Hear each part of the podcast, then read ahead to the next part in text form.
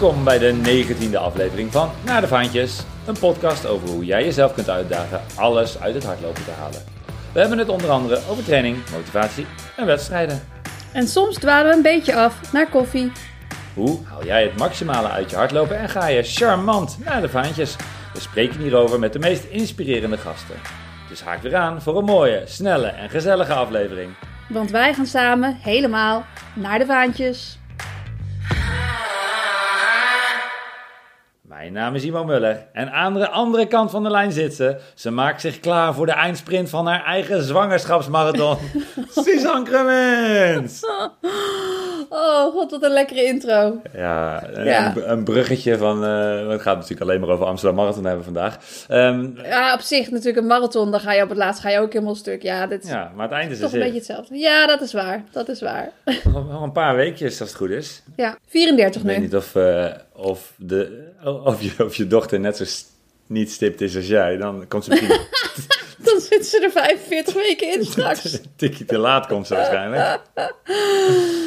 Ja, Ja, maar goed, aftellen dus. ja zeker. Leuk. Ehm, ja, we gaan een live podcast tijdens de bevalling opnemen, eh, zei je net? Ja, dat klopt inderdaad. Dat eh, kunnen we natuurlijk wel gewoon plannen. Dus dat is eh, mooi. Ja, ja. Ja, nee. Ben je thuis nu vandaag? ik ben vandaag thuis. Dus ik kan rustig aan doen. Mooi. Nou, nou, dus dit is het moment dat je aan mij vraagt waar ik ben. Waar ben jij? ik zie die klok achter jou en ik denk, die klok die zie ik normaal niet. Nee, de andere plek. Ik ben op de Schelling, man. Het is echt, ik heb net gelopen Oh, en eh, het is echt een heerlijk eiland. Dus een rondje Brandaris net gedaan, de, de vuurtoren hier en eh, lekker door, je hebt allemaal van die schelpenpaden, dus lekker gelopen. oké. Gisteren na de Amsterdam Marathon gelijk eh, richting eh, de Schelling. Ja, vakantie. Ja, gewoon een weekje. Mijn zoontje heeft een week vakantie, dus we zitten Oh, hier ja. lekker eh, te chillen. Ja, leuk. Zo leuk. Hey, eh, Amsterdam Marathon, hè? Ja, jij was erbij. Ik keek. Jij ik moet keek. zeggen, ja, als je hem kijkt, want vorig jaar was ik er natuurlijk wel bij. En dat was, dat was top natuurlijk. Dus, eh, ja, ik word daar wel enthousiast van mensen gewoon live kapot zien gaan eh, tijdens een marathon. Maar ik moet zeggen dat je de hele wedstrijd en het hele verloop wel beter kunt volgen als je natuurlijk op tv kijkt. Dus daarvan heb ik nu wel meer meer meegekregen dan vorig jaar. Ja. Hm. Ja, nee, we, we hebben de twee snelste Nederlanders eh, van gisteren te gast. Daar ben ik echt trots op. Echt mooi. Het Was, nou ja, we gaan het uitgebreid over hebben, maar allebei echt fantastisch gepresteerd. Anne Luiten, Olympische limiet. Galit Sukout, alweer een PR eh, op de marathon en nu derde alle tijden. Dus die eh, komen allebei in de show zometeen, dus dat is hartstikke leuk.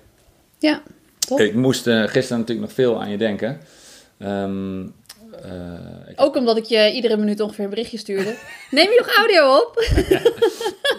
Ja, heb ik gedaan, heb ik gedaan. Ja, mooi. Ik heb ook hard aangemoedigd, maar ik denk niet zo hysterisch als jij, maar wel veel. Ik heb echt wel mijn best gedaan. En van, punt, van, maar- punt, van punt naar punt gerend, dat was echt leuk. Oké, maar je moest aan mij denken. Onder, ook nog wel een andere reden, behalve Nou, dat ik aan het spammen was. Ja, vorig jaar vertelde jij mij iets over jankende tepels. Ja, oh, Jank in de Tepels. Heb je Jank in de Tepels gezien? Ja, ik heb weer jankende tepels gezien, want het begon helemaal na het regenen. Dan, eh, voor de luisteraars die eh, niet alle afleveringen geluisterd hebben. Dat is dus als je als man of heel erg zweet of in de regen loopt, dan bestaat er de kans dat je tepels gaan eh, bloeden. Eh, heb je Ja, dat komt niet door de regen, het komt uiteindelijk door de frictie met de singlet.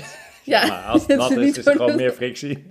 Ja, oké, maar het is niet omdat het gaat regenen. Ja, ik zou iedereen buiten als het regent gewoon met Jank in de Tepels rondlopen. Dat, zal het Ook zijn. mooi, ja. Het doet trouwens niet eens zo gek veel pijn. Het ziet er gewoon heroïs uit, die, die rode vlekken. Alleen onder de douche daarna is, het- dan is het wel echt janken. Dus eerst is het janken in de tepels, maar daarna is janken onder de douche. Ja, Jank in de douche. Dus ik heb er wat voorbij zien komen, maar ik heb heel veel berichtjes gehad. Eh, niet over die tepels, maar over hamstrings die naar de vaantjes zijn gegaan. Ja, dat kan ik me voorstellen. Ik dacht dat ook gewoon. Toen ik aan het kijken was, dacht ik... Dit is geen goed weer voor de hamstrings.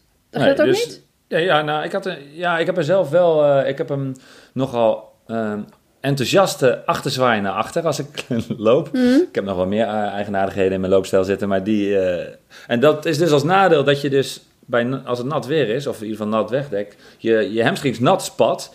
Ja. En dat eh, ja, kan wel koud worden, verkrampen.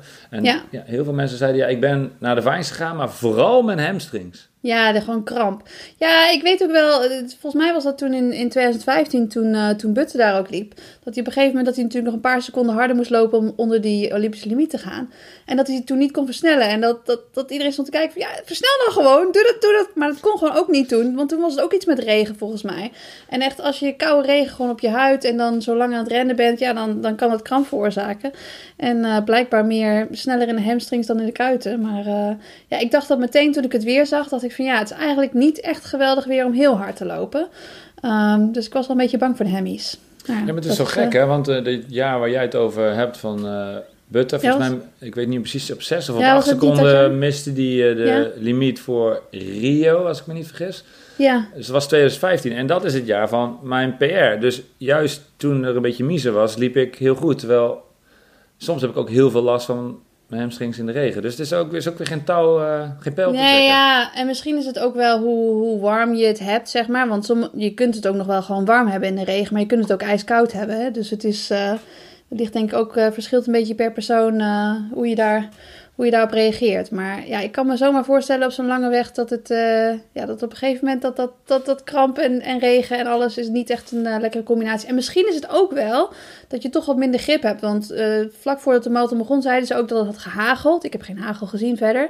Uh, maar dat daarom het wegdek een beetje, ja. een beetje glad was.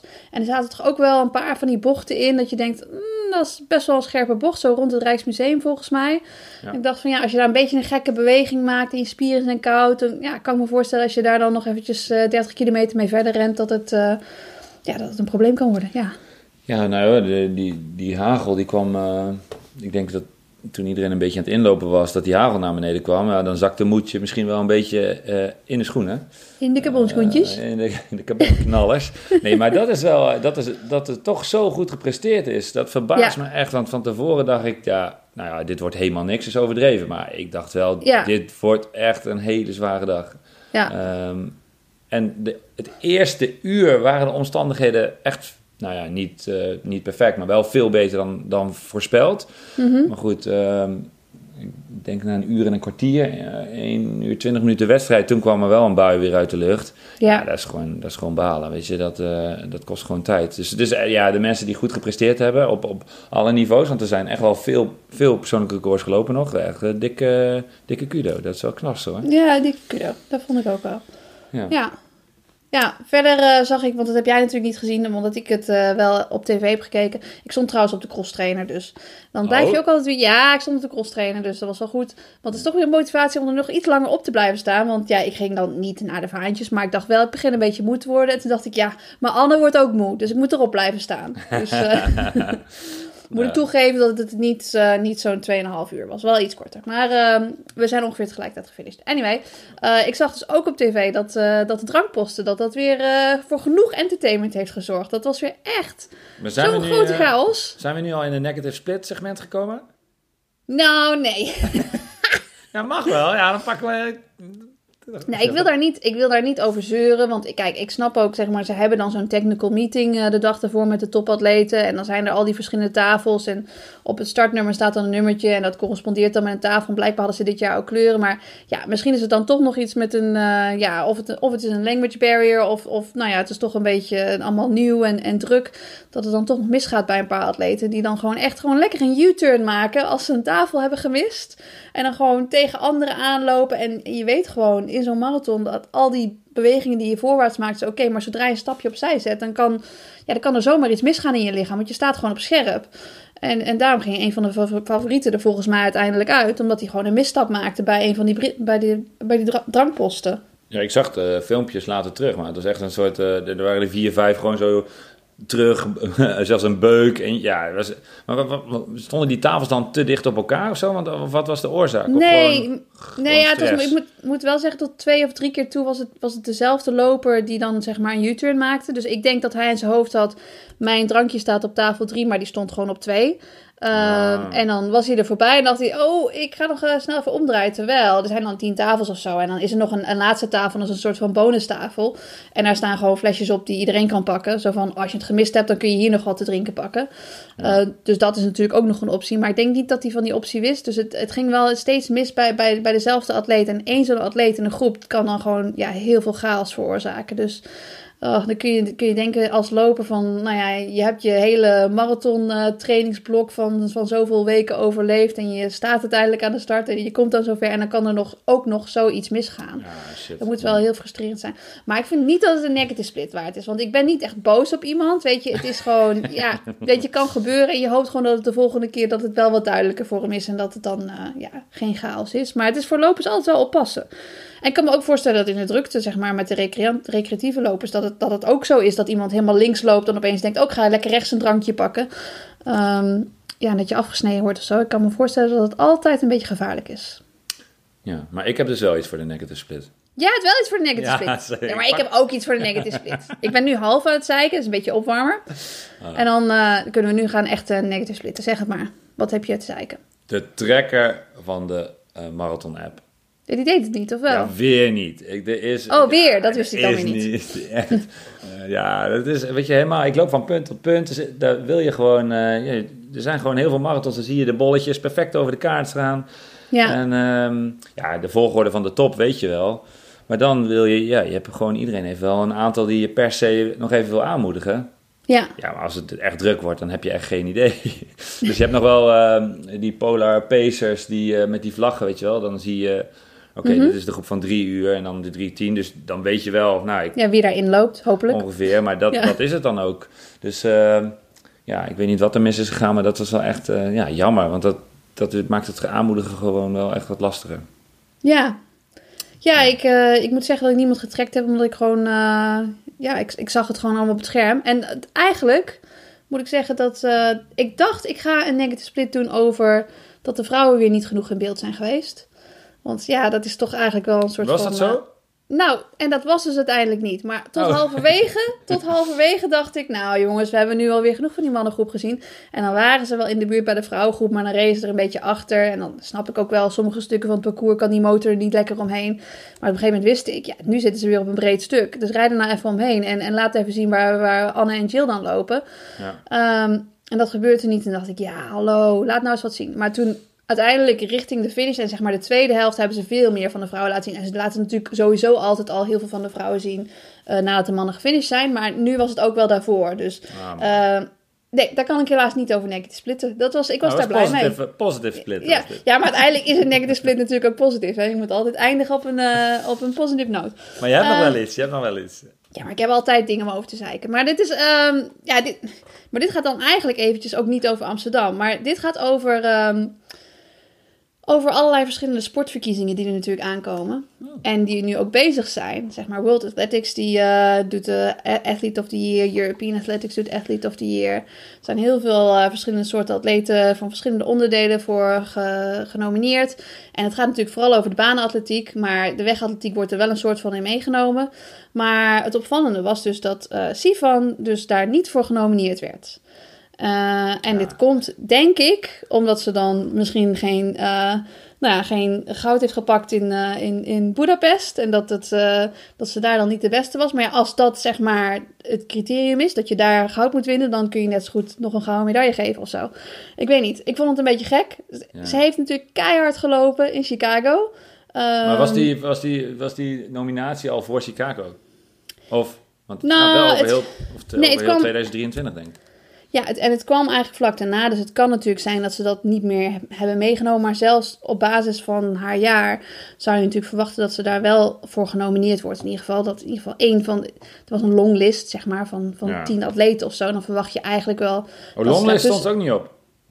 Nee, tien, tien waren het er. Ja, dus daar stond, daar stond ze dus niet bij. Dus blijkbaar hoort ze dan niet bij de top 10. En weet je, je kunt altijd gaan zeuren over één, één individuele atleet. En ieder land heeft natuurlijk wel zo'n zijn, zijn favoriet die ze daaraan willen toevoegen. Maar eigenlijk waar mijn negative split over gaat, is niet per se over Sivan speciaal. Maar meer over dat al die sportverkiezingen waar je verschillende onderdelen of verschillende sporten probeert te vergelijken. Ja, ja, ja. Dat werkt gewoon niet. Dit is gewoon appels willen. met peren vergelijken. Ja, je moet Max. Verstappen straks gaan, eh, we gaan vergelijken. Ja, we- ja, weet je, die discussie is ook. Ja, ben ik, helemaal met je eens. Gewoon eh, alle goede prestaties eren. Maar niet Ja, eh, en- een en- wedstrijdje appels peren. Nee. Nee, en ik vind eh, dat ze het in, in, eh, in Groot-Brittannië bijvoorbeeld hebben ze het wel goed opgelost, vind ik. Want eh, daar hebben ze de, de spotties. Ik weet niet of je dat kent. Het is, de- Spotties? ja, de spotties, zo heet dat. Spotty is de, is de afkorting. Sports Personality of the Year. Oh, zo. Ja. En het gaat dus meer over de sp- sports personality. Dus dat is niet alleen eh, gebaseerd op prestaties, maar ook, nou ja, wie heeft je misschien wel het meest geïnspireerd? Zo. En dan is het ook meer een mening. En is het ook duidelijk dat het gewoon een mening is. En dat we niet proberen, eh, nou ja, Shakari op de, die op de 100 meter goud wint op, in Budapest gaan vergelijken met, met die van die, nou ja, van, eh, van de 1500 tot de, tot de marathon allemaal eh, super, super goede prestaties neerzetten. Dan is het gewoon duidelijk van, nou, we hebben hier gewoon een mening en op die manier gaan we stemmen. Dus ik denk ook, kijk, in Nederland hebben we natuurlijk eh, die van NOC en NSF, die is meestal aan het einde van het jaar, dat we daar ook zo'n soort van systeem moeten hebben. Dat je gewoon sports personality doet en mensen gewoon lekker kunnen stemmen op, nou ja, wat ze dan het meest inspirerend vonden. Dat we niet doen of het ene beter is dan het andere. Nee, nee eens. Voor de volledigheid, het talent van het jaar is wel eh, Niels Laros genomineerd. En atleten van het jaar is wel Femke Bol genomineerd. Ja. Dus we hebben de... Het is natuurlijk een hele stomme prijs, maar als ze winnen, dan vinden we het toch best wel cool, hè? Ja, precies. dus we doen net of het allemaal niks uitmaakt, maar het maakt, uiteindelijk maakt het toch wel uit, hè? Ja, precies. Ja. Nee, ja, ja, ik ben het eigenlijk met je eens, ja. Ja, dus. Maar ik vind ook niet dat het helemaal afgeschaft moet worden. Ik vind het wel leuk om, om, om zeg maar sporters op die manier nog een keertje in het zonnetje te zetten. Maar het is natuurlijk ook altijd dat je dan, nou ja, dat je dan eh, BMX met, met schaatsen, met atletiek gaat vergelijken. Ehm, ja, ik, ik weet niet. Ik- het is altijd moeilijk om te zeggen wat nou beter is. Dus laten we het niet doen alsof iets beter is. Maar je kunt bijvoorbeeld zeggen waardoor je meer geïnspireerd bent. En dat is, nou, dat kan iedereen voor zichzelf bepalen. Dat is ook oké. Ja. Nou, ja, eens. Ja. So far. Ja, ik, we gaan zo natuurlijk naar de gasten. Ik had, eh, even denken, vrijdagavond een gesprek met eh, Tadesse Abraham. Ik weet niet of je die eh, kent. Dat is een, een, marathonloper uit Zwitserland die eh, 205 liep in eh, Berlijn. Maar het leuke is, die is 41. Oh. Ja, ik 41 heb die wel eens en, in eh, St. Moritz zien trainen. Ja, ja, traint hij heel veel. Echt Ja. Een hele leuke, eh hele leuke vent. Dus heel leuk gesprek. En nou, loopt natuurlijk keihard wereldrecord 40 plus, vind ik mooi. Ehm, Gaat naar zijn derde spelen. Maar die vertelde, en er is een beetje een open deur, maar hij vertelde het wel heel mooi van... Weet je, je traint drie, vier maanden voor zo'n marathon. En je, je trekt jezelf helemaal binnenste buiten om op die ene dag eh, goed te zijn. En, ehm, en die ene dag moet niet oké zijn. Die ene dag moet echt perfect zijn. Ja. En, ehm, en daar gaan we het straks denk ik ook over hebben bij, bij Jill, waar dat dus eh, ja, niet eh, perfect was. Bij Anne is het helemaal perfect. En bij Geliet is het net niet perfect. Of misschien wel perfect, maar niet. eh, en dat, ehm, ja, ik had het er ook met, eh, met Jill, Jill Holtman over, die natuurlijk ook de Olympische limiet eh, eh, wilde lopen. En ja, voor haar is het natuurlijk ja, echt een enorme teleurstelling. Die, die, die heeft zoveel tijd en energie in gestopt en dan lukt het niet. Mhm. En daar is heel weinig aandacht voor. En terecht, zeg maar, dat er zoveel aandacht voor Anne en, en ook Galit. Eh, maar dat is het, het- ja, het hele harde, maar misschien ook wel het mooie van de marathon. Dat het zo, je kunt het zo weinig doen, weet je. Dus je doet een poging en dan moet je gewoon weer... Ja, je moet sowieso herstellen nog steeds. Ja. Ja, je kunt, eerder moest je een half jaar wachten en nu kan het misschien eh, iets sneller. Maar ja, het is echt wel heel vreed. Dus Ja. je, je stopt er zoveel in en je krijgt het niet altijd terug. En je kunt niet de dag daarna weer. Ja, dat is, dat is wel echt- Nee, en daarom is het ook zo mooi als het wel lukt natuurlijk. Dan zit, Ja, er, zit ook veel, er hangt veel meer emotie aan een marathon dan, dan aan de kortere afstanden. Dat is gewoon door die lange opbouw natuurlijk. Ja. Dus dat, ik vind ook wel, dat maakt het inderdaad wel heel erg mooi. Ja, nou, dat Ja. wilde ik nog even zeggen. En, ehm, Ja. eh, en ik heb hier ook nog staan, ja, ehm, ik heb net, eh, net, net eens hard gelopen en toen heb ik mijn Strava heb naam- net hard gelopen? Heb je, dat er, heb je dat er neergezet? Ik heb net hard gelopen. Nee, nee, nee, wacht maar. ik heb net hard gelopen, toen heb ik de titel van mijn genoemd van... dagboek. Ik ga nu een podcast opnemen, dus er komen nu op mijn telefoon nog allemaal vragen binnen. Eh, Ja. Die we, ja, we gaan echt ons best doen natuurlijk, maar we hebben echt krankzinnig veel vragen gehad. Wat echt, vind ik echt heel zo? leuk. Ja, ja, ja, ja. Eh, maar ehm, ik krijg nu dus ook een melding. Jullie hebben het wereldrecord nog helemaal niet besproken. Ja, Nee. Oh ja, je zit te is- kijken. Ja, is... Ja joh, maar dit is de pregnancy brain. Ja, ik zit te denken, onze laatste podcast, wanneer was dat? Maar dat is wel twee weken geleden. Ja, het was ook een beetje druk de afgelopen Ja, wel de wereldrecord, maar de, het wereldrecord van de vrouwen besproken. Maar dus tussendoor ook nog... eh, ja, dus, dus we zijn net zien Dit hebben we wel besproken. Nee, maar Kiptum, het wereldrecord op de, bij de man hebben we nog hebben we niet besproken. Nee, dat hebben we niet besproken. Nee, Nou ja, klopt. ja, Ja. We hoeven er niet uren bij stil te staan, maar het even noemen is misschien wel oh, best wel snel. Best wel snel. nou, en door. Ja, nou ja, goed. Nee, ja, hij was natuurlijk, eh, ja, het is prachtig. Nee, ja, weet je, eh, het leuke aan, aan dat verhaal vind ik wel dat hij blijkbaar iets van 300 kilometer per week traint of zo. En dat dat gewoon natuurlijk absoluut belachelijk is. Ehm, ja. en, eh, en, en dat zijn coach een beetje zich zorgen maakt of het wel, eh, zeg maar, sustainable is. Kan ik me voorstellen. Ja. Ehm, ja, misschien moet hij ook een eh, elliptico aanschaffen. Je weet het niet, hè? Kan misschien een beetje alternatief erbij gaan Echt een trainen. hekel aan, eh, aan dat soort apparaten en fietsen. Ja. En, ja, maar dat is Liefst wel... redden. Ik las het ook, ja, krankzinnig. Ja. Goed, ja, voor nu werkt het. Dus, maar dit is wel een disclaimertje waard, ja. Ja, nee. En, en natuurlijk eh, in dezelfde race dat, dat Sifan nog even lekker doorloopt. En dat was natuurlijk anders ook een wereldrecord geweest. Als, eh, als het bij de vrouwen niet al zo scherp was gezet. Maar ja, alle tijden die gaan gewoon... eh, ja, alles wordt gewoon een stuk sneller. En, en je merkt het ook wel in, in de breedte natuurlijk... Dat er, dat er gewoon veel harder wordt gelopen door iedereen eigenlijk.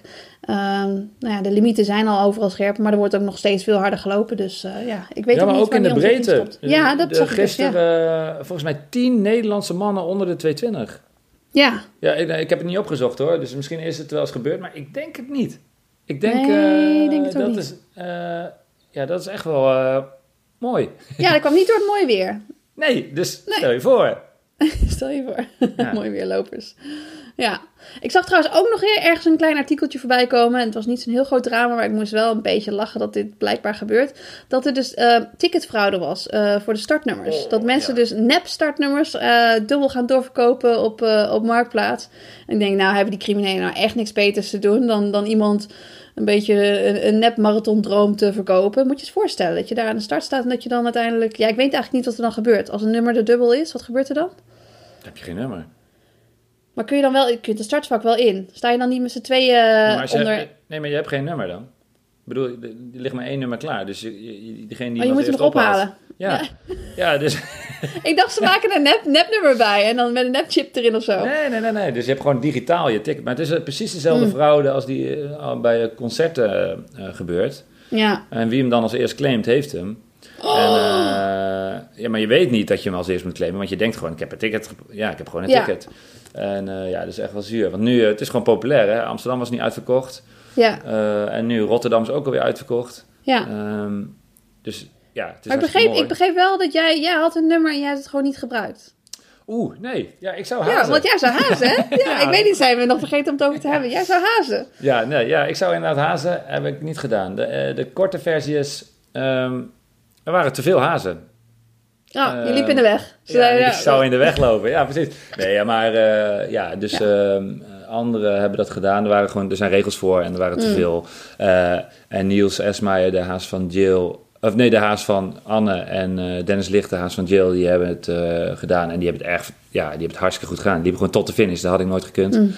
Ehm, en ehm, Is dit het punt waar je gaat toegeven dat je eigenlijk een mooi weerloper bent, of niet? Dat, dat ga je ja, eigenlijk was het de regen, ja. Ik zag de weerspelling en ik denk, ja, dan gaan we Ja, hallo, dan gaat mijn haar helemaal in de klit en zo. Tepels, bekijk het. ik ga wel kijken. Oh, ik ben Ja. wel benieuwd of mensen dat gedacht hebben. Oh, echt een hekel aan regen. Ja, zullen mensen dan niet komen? Nee, de marathon Nee, is zo denk ik groot, heb je zo lang voor getraind. Dan denk je, ja, fuck it, ik, ik ben er klaar voor.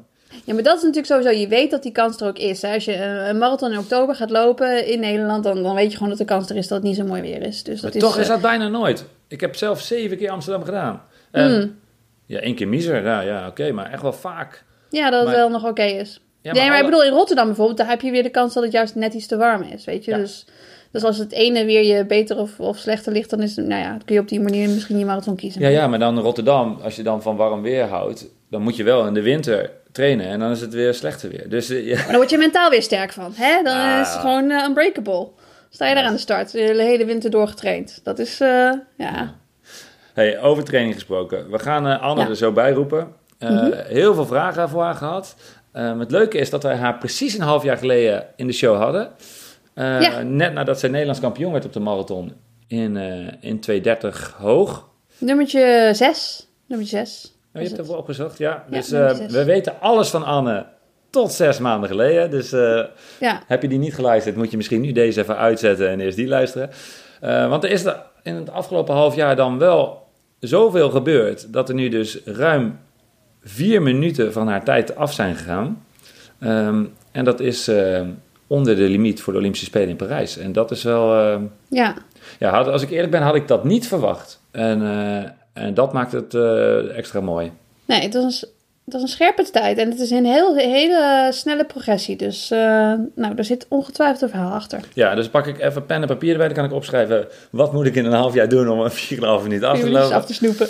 Daar ben ik wel echt benieuwd naar. Dus ehm, Ja. Ehm, ik denk eh, dat we Anne met haar ticket to Paris en ik verwacht ook een portie spierpijn er maar even bij moeten roepen. Ja, komt ze. Anne, goedemorgen en welkom in de podcast. Goedemorgen. Wat goed dat je er bent en, eh, en allereerst van ons de felicitaties en van heel veel luisteraars de felicitaties. Geweldig gedaan. Ja, dank jullie wel. En we zijn best wel trots dat je in de, in de podcast bent. Maar eerst eens eventjes, hoe is het met je? Ik kreeg net een appje van je. Ehm, ik ben misschien ietsje later, want ik zit op de fiets, maar ik zal doorfietsen. Even lekker uitfietsen. ja, wat, wat was je aan het doen? Ja, ik, was, eh, ik kwam terug uit Rotterdam, dus ik kwam terug van het treinstation in Delft. eh, want ik was met de trein naar Rotterdam gegaan, want ik was bij jullie con-collega's in de show, bij eh, de Peter. Gezellig. Ah, leuk. Ja, dat liep natuurlijk heel erg uit en daarom moest je hard doorfietsen. Ja, die Rotterdammers, die houden wel van praten. Dus inderdaad, dat, eh, Nou, stembanden vast opgewarmd. Maar, eh, en- maar serieuze vraag, zeg maar, dat fietsen, eh, dat, gaat dat een beetje? Hoe, hoe voelen de beentjes? ja, fietsen gaat wel hoor, maar wandelen en, eh, nou ja, rennen moet ik al helemaal niet aan denken. En wandelen is ook niet echt plezierig. Hmm. En trappen? Maar ik kom nog wel de, ik kom nog wel de trap op en af zonder me om te hoeven draaien of zo. Dat heb ik ook nooit, nooit eerder. eh, ik ben, ik heb wel stavige benen, maar traplopen gaat nog wel. Oké. En heb je een beetje Nou, dat zijn geslapen die dit nieuwe keer? Hè? En slapen heb ik eh, niet gedaan. Dat is ook wel normaal. Of ik heb wel geslapen, maar het duurt dan heel lang voordat je slaapt. En vaak word ik dan ook wel, ook vandaag weer, werd ik half vijf wakker of zo. En dan doe je benen pijn. En dan kom je ook niet meer in slaap. Maar ach, we slapen En wel wat- erbij later je- deze week. En dan ben je wakker en komt dan die hele race nog een keer voorbij? Of, of wat, wat, wat gebeurt er dan? Ja, dan probeer je een beetje de. Dan komen al die flarden van herinneringen tijdens de race. Die komen inderdaad weer door. En dan probeer je eigenlijk een beetje te processen wat er allemaal gebeurd is. Ja. Ja. Want wa- welke flarden komen dan als eerst voorbij? Is het dan is het gewoon echt hele losse, onsamenhangende flarden? Of is het vooral die laatste kilometer? Of waar denk je aan? Nou, ik had S'nachts om vooral... half vijf. ehm, ja, precies. Ja, ik heb van het begin van de race wel veel meegekregen, maar daarna eh, veel minder. Dus ik probeerde ook voor mezelf nog een beetje eh, terug te halen wat er nou eigenlijk na 25, zeg maar, ja, wat er precies tijdens de race door me heen ging en wat er nou precies allemaal gebeurd is. Want dat, eh, ik zat heel erg in een tunnel en eh, meer dan eh, eigenlijk bij mijn afgelopen marathons. Dus ik heb er ook gewoon niet meer zoveel van meegekregen tijdens de race, van alles wat er gebeurde. Ja, je kon het eigenlijk ook wel zien op de beelden, zeg maar. Dat, want je keek, bleef gewoon ook heel strak voor je uitkijken. Je ziet soms wel eens eh, lopers die dan ook echt om zich heen aan het kijken zijn. En nou, iedere keer als de camera bij jou terugkwam, nou, dan zag je er eigenlijk gewoon hetzelfde uit. En zeg maar, qua techniek zag je er eigenlijk ook gewoon hetzelfde uit. Dus ik dacht, nou, dat is een goed teken, weet je. Maar je kon echt zien dat je die tunnelvisie had. Dat vond ik wel heel knap. Ja, dat is ook niet iets wat ik altijd heb. Eh, ik ik, eh, vind het op zich ook wel lekker om een beetje uit de race gehaald te worden soms. En eh, iets van mijn omgeving in me op te nemen. En dat had ik nu wel in het begin, maar veel minder lang dan bij, andere, bij mijn andere marathons. Ik was toch al, ja, op een gegeven moment belandde ik gewoon in die, in die focus en kwam ik daar ook niet meer uit. Ja, Imo heeft dat helemaal niet. Die zwaait altijd rond. En, eh, Ja, maar nee, het is wel echt een goed teken. En, eh, Ja. en d- ik denk ook dat het, nee, ik ben geen psycholoog, maar dat het aan het begin ook wel je energie geeft. Maar op een gegeven moment moet je die tunnel in, want anders ja, kost het je te veel energie. En, eh, eh, maar ja, het is niet helemaal te, te, te scripten, hè, zo'n marathon. Maar als je, als je nu terugkijkt, Anne, eh, was, het, was het een perfecte race? Ik denk het wel. Ik, ik denk ook niet dat ik ergens eh, wat heb laten liggen. Ehm, het was wel grappig, want toen het Olympisch Stadion er kwam, toen dacht ik, nou ja, die laatste 400 meter, die sprint ik dan nog wel even. Dan, ja, ik ben er toch bijna. Maar toen ik probeerde aan te zetten, toen ging ook echt alles protesteren. Dus er zat ook echt eh, niet meer in. Ik moest ook twee keer in het, op het laatste eind moest ik een soort van kokhals. Ook al had ik geen eh, problemen met mijn maag, geen problemen met het drinken. En ik kreeg een soort van pijn in mijn rechtervoet eh, bij het betreden van het Olympisch Stadion. Een soort van kramp toen ik probeerde aan te zetten. Dus dat was eh, ja, ook wel een bijzondere ervaring. Dat er gewoon, ik kon echt niet meer harder. nee, echt het maximale eruit gehaald. Ja, Ja, ik En denk mooi. Hey, Anne, we gaan eventjes, eh, we zeiden het in de introductie al. We hebben jou precies een half jaar geleden gesproken in de podcast. Toen was je Nederlands kampioen geworden in, eh, in Rotterdam. Eh, had je ook een dik persoonlijk record gelopen. nou, hebben we het uitgebreid over gehad. Een half jaar, we zijn een half jaar verder. Jij loopt er dik vier minuten vanaf. Um, wij zouden wel graag eventjes een lijstje hebben, zo'n check, checklijstje met wat moeten we nou veranderen om in een half jaar zo'n reuzensprong te maken. Is er, ik zeg het gekscherend, maar zijn er wel aanwijsbare dingen die, jij, uh, die, je, die je meeneemt, zeg maar van oké, dit waren echt goede beslissingen het afgelopen half jaar? Oh, um, ja, ik denk, nou, ik denk dat de beslissing om minder te gaan werken, die, uh, dat is natuurlijk een hele duidelijke, dat heeft me goed gedaan. Want kun je ehm, iets over vertellen? Hoeveel minder ben je gaan werken? Ja, ik werkte eerst 36 uur, dus fulltime. En nu uh, eh, 20 uur. En ik kon dat ook op mijn manier indelen. Dus ik ben naar mijn werkgever gegaan en ik heb gezegd: ik wil niet meer dan 20 uur werken. En ik wil het eigenlijk het liefst zo en zo doen, want dat denk ik dat het beste is voor mijn hardlopen. Um, en dat, uh, dat was akkoord. Uh, en dat, dat heeft uh, ervoor gezorgd dat ik meer, meer kon rusten, maar ook vooral minder stress had. Dus minder van afspraak naar afspraak aan het rennen was de hele dag door, dag in dag uit. Um, en ook uh, voor mijn trainingsschema heeft dat ook positief gewerkt. Want daardoor kon ik mijn marathonblokken op vrijdag doen in plaats van op zaterdag. En dan had ik dus niet de combi van op zaterdag marathonblokken en op zondag de lange duurloop. Want dat is oh, eigenlijk best wel risicovol. En ook, ja, idealiter trek je die uit elkaar. Ja, we zien trouwens veel, hè. Mensen die druk hebben, die, dat er echt zo'n zo groot aandeel van, van zeg maar het volume gewoon lekker even in het weekend trainen. Ja, heel herkenbaar. dat is pittig, ja. Ja, ja. maar dat is best wel een goede... Het moet natuurlijk maar wel kunnen... Maar het klinkt eigenlijk best wel logisch. Ja, ja. maar ben, je, ben je dan, want je zegt, uh, daardoor kun je natuurlijk wat schuiven met, met trainingen en zo en wat meer verspreiden. Um, ben je ook zeg maar meer qua omvang gaan doen of ben je vooral meer gaan rusten? Ik ben wel iets in omvang omhoog gegaan. Ik denk dat ik uh, vorige keer rond de 150 kilometer per week gemiddeld zat. En nu richting de 170. En dat zijn dan vooral dingen als dat je dan op woensdagochtend voor de baantraining van, de van die avond. Dan liep ik nu 50 minuten en toen maar 30, want dat was alles waar ik tijd en energie voor had, omdat ik om 9 uur op kantoor moest zijn. Ja. Ja. Dus het zijn geen, er zijn niet hele extra spannende trainingen bijgekomen of zo, maar alles is gewoon net ietsje uitgebreider geworden omdat ik meer tijd heb. En merkte je dan ook dat je beter herstelde van de trainingen en misschien minder pijntjes had? Of gewoon dat je je zeg maar, overal beter voelde in de voorbereiding? Of was dat niet zo? Um, nou, ik denk dat die 170 zeg maar vergelijkbaar voelde met die 150 van toen. Dus dat ik uh, meer kon lopen, maar niet er meer uh, energie aan kwijt was. Ja, kan het. En, en is die 20 uur per week wat je nu doet, op een, nou, wel flexibel in te delen als ik dat zo hoor, is dat dan ideaal? Of, uh, of kan het nog idealer? Ja, ik hink een beetje op twee gedachten. Want aan de ene kant ehm, vond ik mijn tijd in St. Moritz ook wel echt heel lekker. Ik heb de eerste drie weken in St. Moritz, Zwitserland doorgebracht. En ook echt niet gewerkt. Um, lekker dat was in juli, toch? Ja, dat, het was... Even kijken, ja, maar het was twaalf weken geleden. Maar uh, denk ik eind juli. ja, ik wou zeggen, ik weet nog dat ik een berichtje van je kreeg en toen zat je in. Moritz. Ik dacht van, volgens mij was dat in, in de zomer nog. Ja. Oh ja, want ik heb jou nog gevraagd om een visio, want het ging helemaal niet goed eigenlijk met mij. Hè? Ik stond op het punt om eigenlijk door die hele marathonvoorbereiding maar een streep te trekken voordat hij überhaupt begonnen was. Want ik kreeg echt, uh, ik had heel veel pijn aan mijn linkervoet. Mm -hmm. en ik zou maandag naar St. Moritz afreizen. Dat was ook de start van de twaalf weken richting Amsterdam. Ja. En toen op vrijdag, toen uh, heb ik nog een, uh, hier een echo laten maken. Um, en daar bleek uit dat mijn voet, ja, wat het nou precies was, daar zijn de meningen over verdeeld. Maar in ieder geval, het was niet goed met mijn voet en er zat vocht. En uh, toen dacht ik, ja, heeft het dan überhaupt zin om naar St. Moritz af te reizen? Dus toen heb ik Suzanne nog gevraagd of ze daar een goede visio wist. Want uiteindelijk uh, heb ik het toch wel aangedurfd. Tien, en is alles goed gekomen. nou, die heeft me wel gered, die visio van jou. Dat was echt Yay! Yay, goede tip.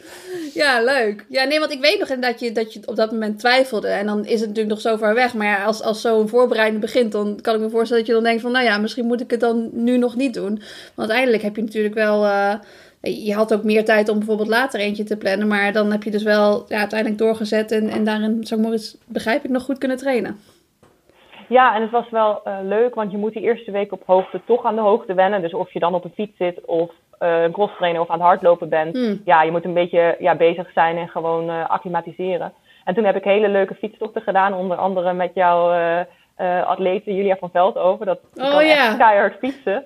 Dus die heeft me een beetje op sleeptouw genomen. Uh, dus samen met haar en Nienke heb ik daar uh, alle bergen in de omgeving opgefietst. Maar toen zijn jullie toch ook naar de, naar de vaantjes gegaan? Was er niet één tocht die heel koud was of zo? Was er iets? Ja, dat was echt uh, verschrikkelijk. Ik was daar echt net... volgens mij kwamen wij op maandag aan en op woensdag gingen zij een tocht doen. En toen wilde ik toch wel heel graag mee. Maar ja, ik had nog nooit op een racefiets gezeten. En uh, Julia en Nienke, die kunnen dat hartstikke goed. En er gingen ook nog een boel mannen mee. Um, ja, en toen gingen we gelijk een of andere zieke call doen. En toen moesten we naar mijn... Dus toen hield ik ze ook gewoon niet bij, hoor. En uh, toen moesten we daarna naar beneden. En toen, ja, de mannen die hielden het nog wel een beetje. Maar wij kregen het alle drie zo koud. Zo koud. We hadden natuurlijk te weinig mee. En we moesten echt ziek lang dalen. Dus uh, toen waren we echt bevroren. Oh, maar dit is training voor, voor uiteindelijk voor Amsterdam natuurlijk. Want ik denk dat gisteren... Had je het uiteindelijk op een gegeven moment een beetje koud toen het ging regenen of niet? Ja, ik heb het nooit warm gehad. Ik heb, ben op het laatst nog geswitcht van uh, topje zeg maar naar hemdje. En dat was ja. wel een goede beslissing, want het was echt... Uh, ik heb het niet echt koud gehad, maar het zat er wel tegenaan. Als die regen langer had aangehouden, die bui die we in het midden kregen... dan uh, was ik denk ik wel onderkoeld geraakt. Ik vind het wel heel grappig, want uh, ik vraag dus uh, of je misschien nog minder moet werken. En vervolgens hebben we het over visio's, hagelbuien en wielrennen in St. Moritz. Sorry. nee, maar is uit. Ik heb het vond het leuk. Nee. Ik was geloof ik een beetje ook de vraag vergeten. Ja, jij vroeg, oh ja, ik hink op twee gedachten, want mijn tijd in St. Moritz was, was uh, toch oh, ja. wel heel erg leuk en luxe. Dat ik dan gewoon, gewoon van training naar training kon leven en intussen kon chillen en slapen en zo. Mm-hmm. Maar aan de andere kant uh, vind ik dat werk, wat ik doe, ook heel leuk. En ik weet ook niet of ik er gelukkig van zou worden als ik alleen maar met hardlopen bezig zou zijn. Ja. Mm-hmm. ja. Dus voorlopig blijft het nog even zo. Ja, ja. denk ja. het wel. Even nog uh, over die uh, kleding. Je zegt, uh, ben op het laatste moment geswitcht van een, een, een, topje naar een hemdje. Dit is natuurlijk altijd wel een beetje een dingetje voor marathonlopers. Hè? Van, wat, wat, doe je aan en, en, en wat is goed voor het weer? En um, ja, ik weet niet. Ik, ik krijg daar altijd veel vragen over. Van, nou ja, ook lopers die wat langzamer lopen. Van, moet ik een lange tijd aandoen als het koud is? En dat soort dingen. Dus ik vind het altijd wel interessant hoe, hoe, iemand een beslissing neemt om juist minder of meer aan te doen. Maar ik had altijd in mijn hoofd van, als je denkt dat je het niet te warm gaat krijgen in een, in een hemdje, dan hoef je geen topje aan, weet je, zoiets. Um, ja, ik ben normaal wel van een topje. Dus mm -hmm. als het even kan, loop ik in een topje. En als ik denk dat het te koud gaat worden, dan doe ik een hemdje. En in dit geval, ja, we kregen ook nog echt een hagelbui over ons heen. Ja. Um, in de warming-up. Ik stond gelukkig, ik had net ingelopen, dus ik kreeg hem gelukkig niet daadwerkelijk op mijn kop. En, uh, maar toen dacht ik wel van ja, weet je, en die, uh, je zag ook overal de regen nog liggen. En dat gaat natuurlijk opspatten op je benen en zo. Toen dacht ik nee, ik doe handschoenen aan en die gooi ik dan wel uit en een hemdje. En ik had nog even op het allerlaatste moment vaseline op mijn benen gedaan. Dus een lange tijd, dat zou ik echt niet snel doen. Maar vaseline is dan ook wel uh, heel fijn. Ook op je, op je hamstrings? Ja, ja, bovenbenen en onderbenen, om mijn benen ingesmeerd. Zie, dit is de truc, hè? Dit is de truc. Truc van een topper. En volgens mij zag ik jou uh, op de startlijn uh, nog met een muts, toch? Even tot vlak voor de start, of, of zag ik dat fout? Ja, even kijken. Had ik van tevoren nog... Een, ja, ik had volgens mij een, een uh, haarband nog op.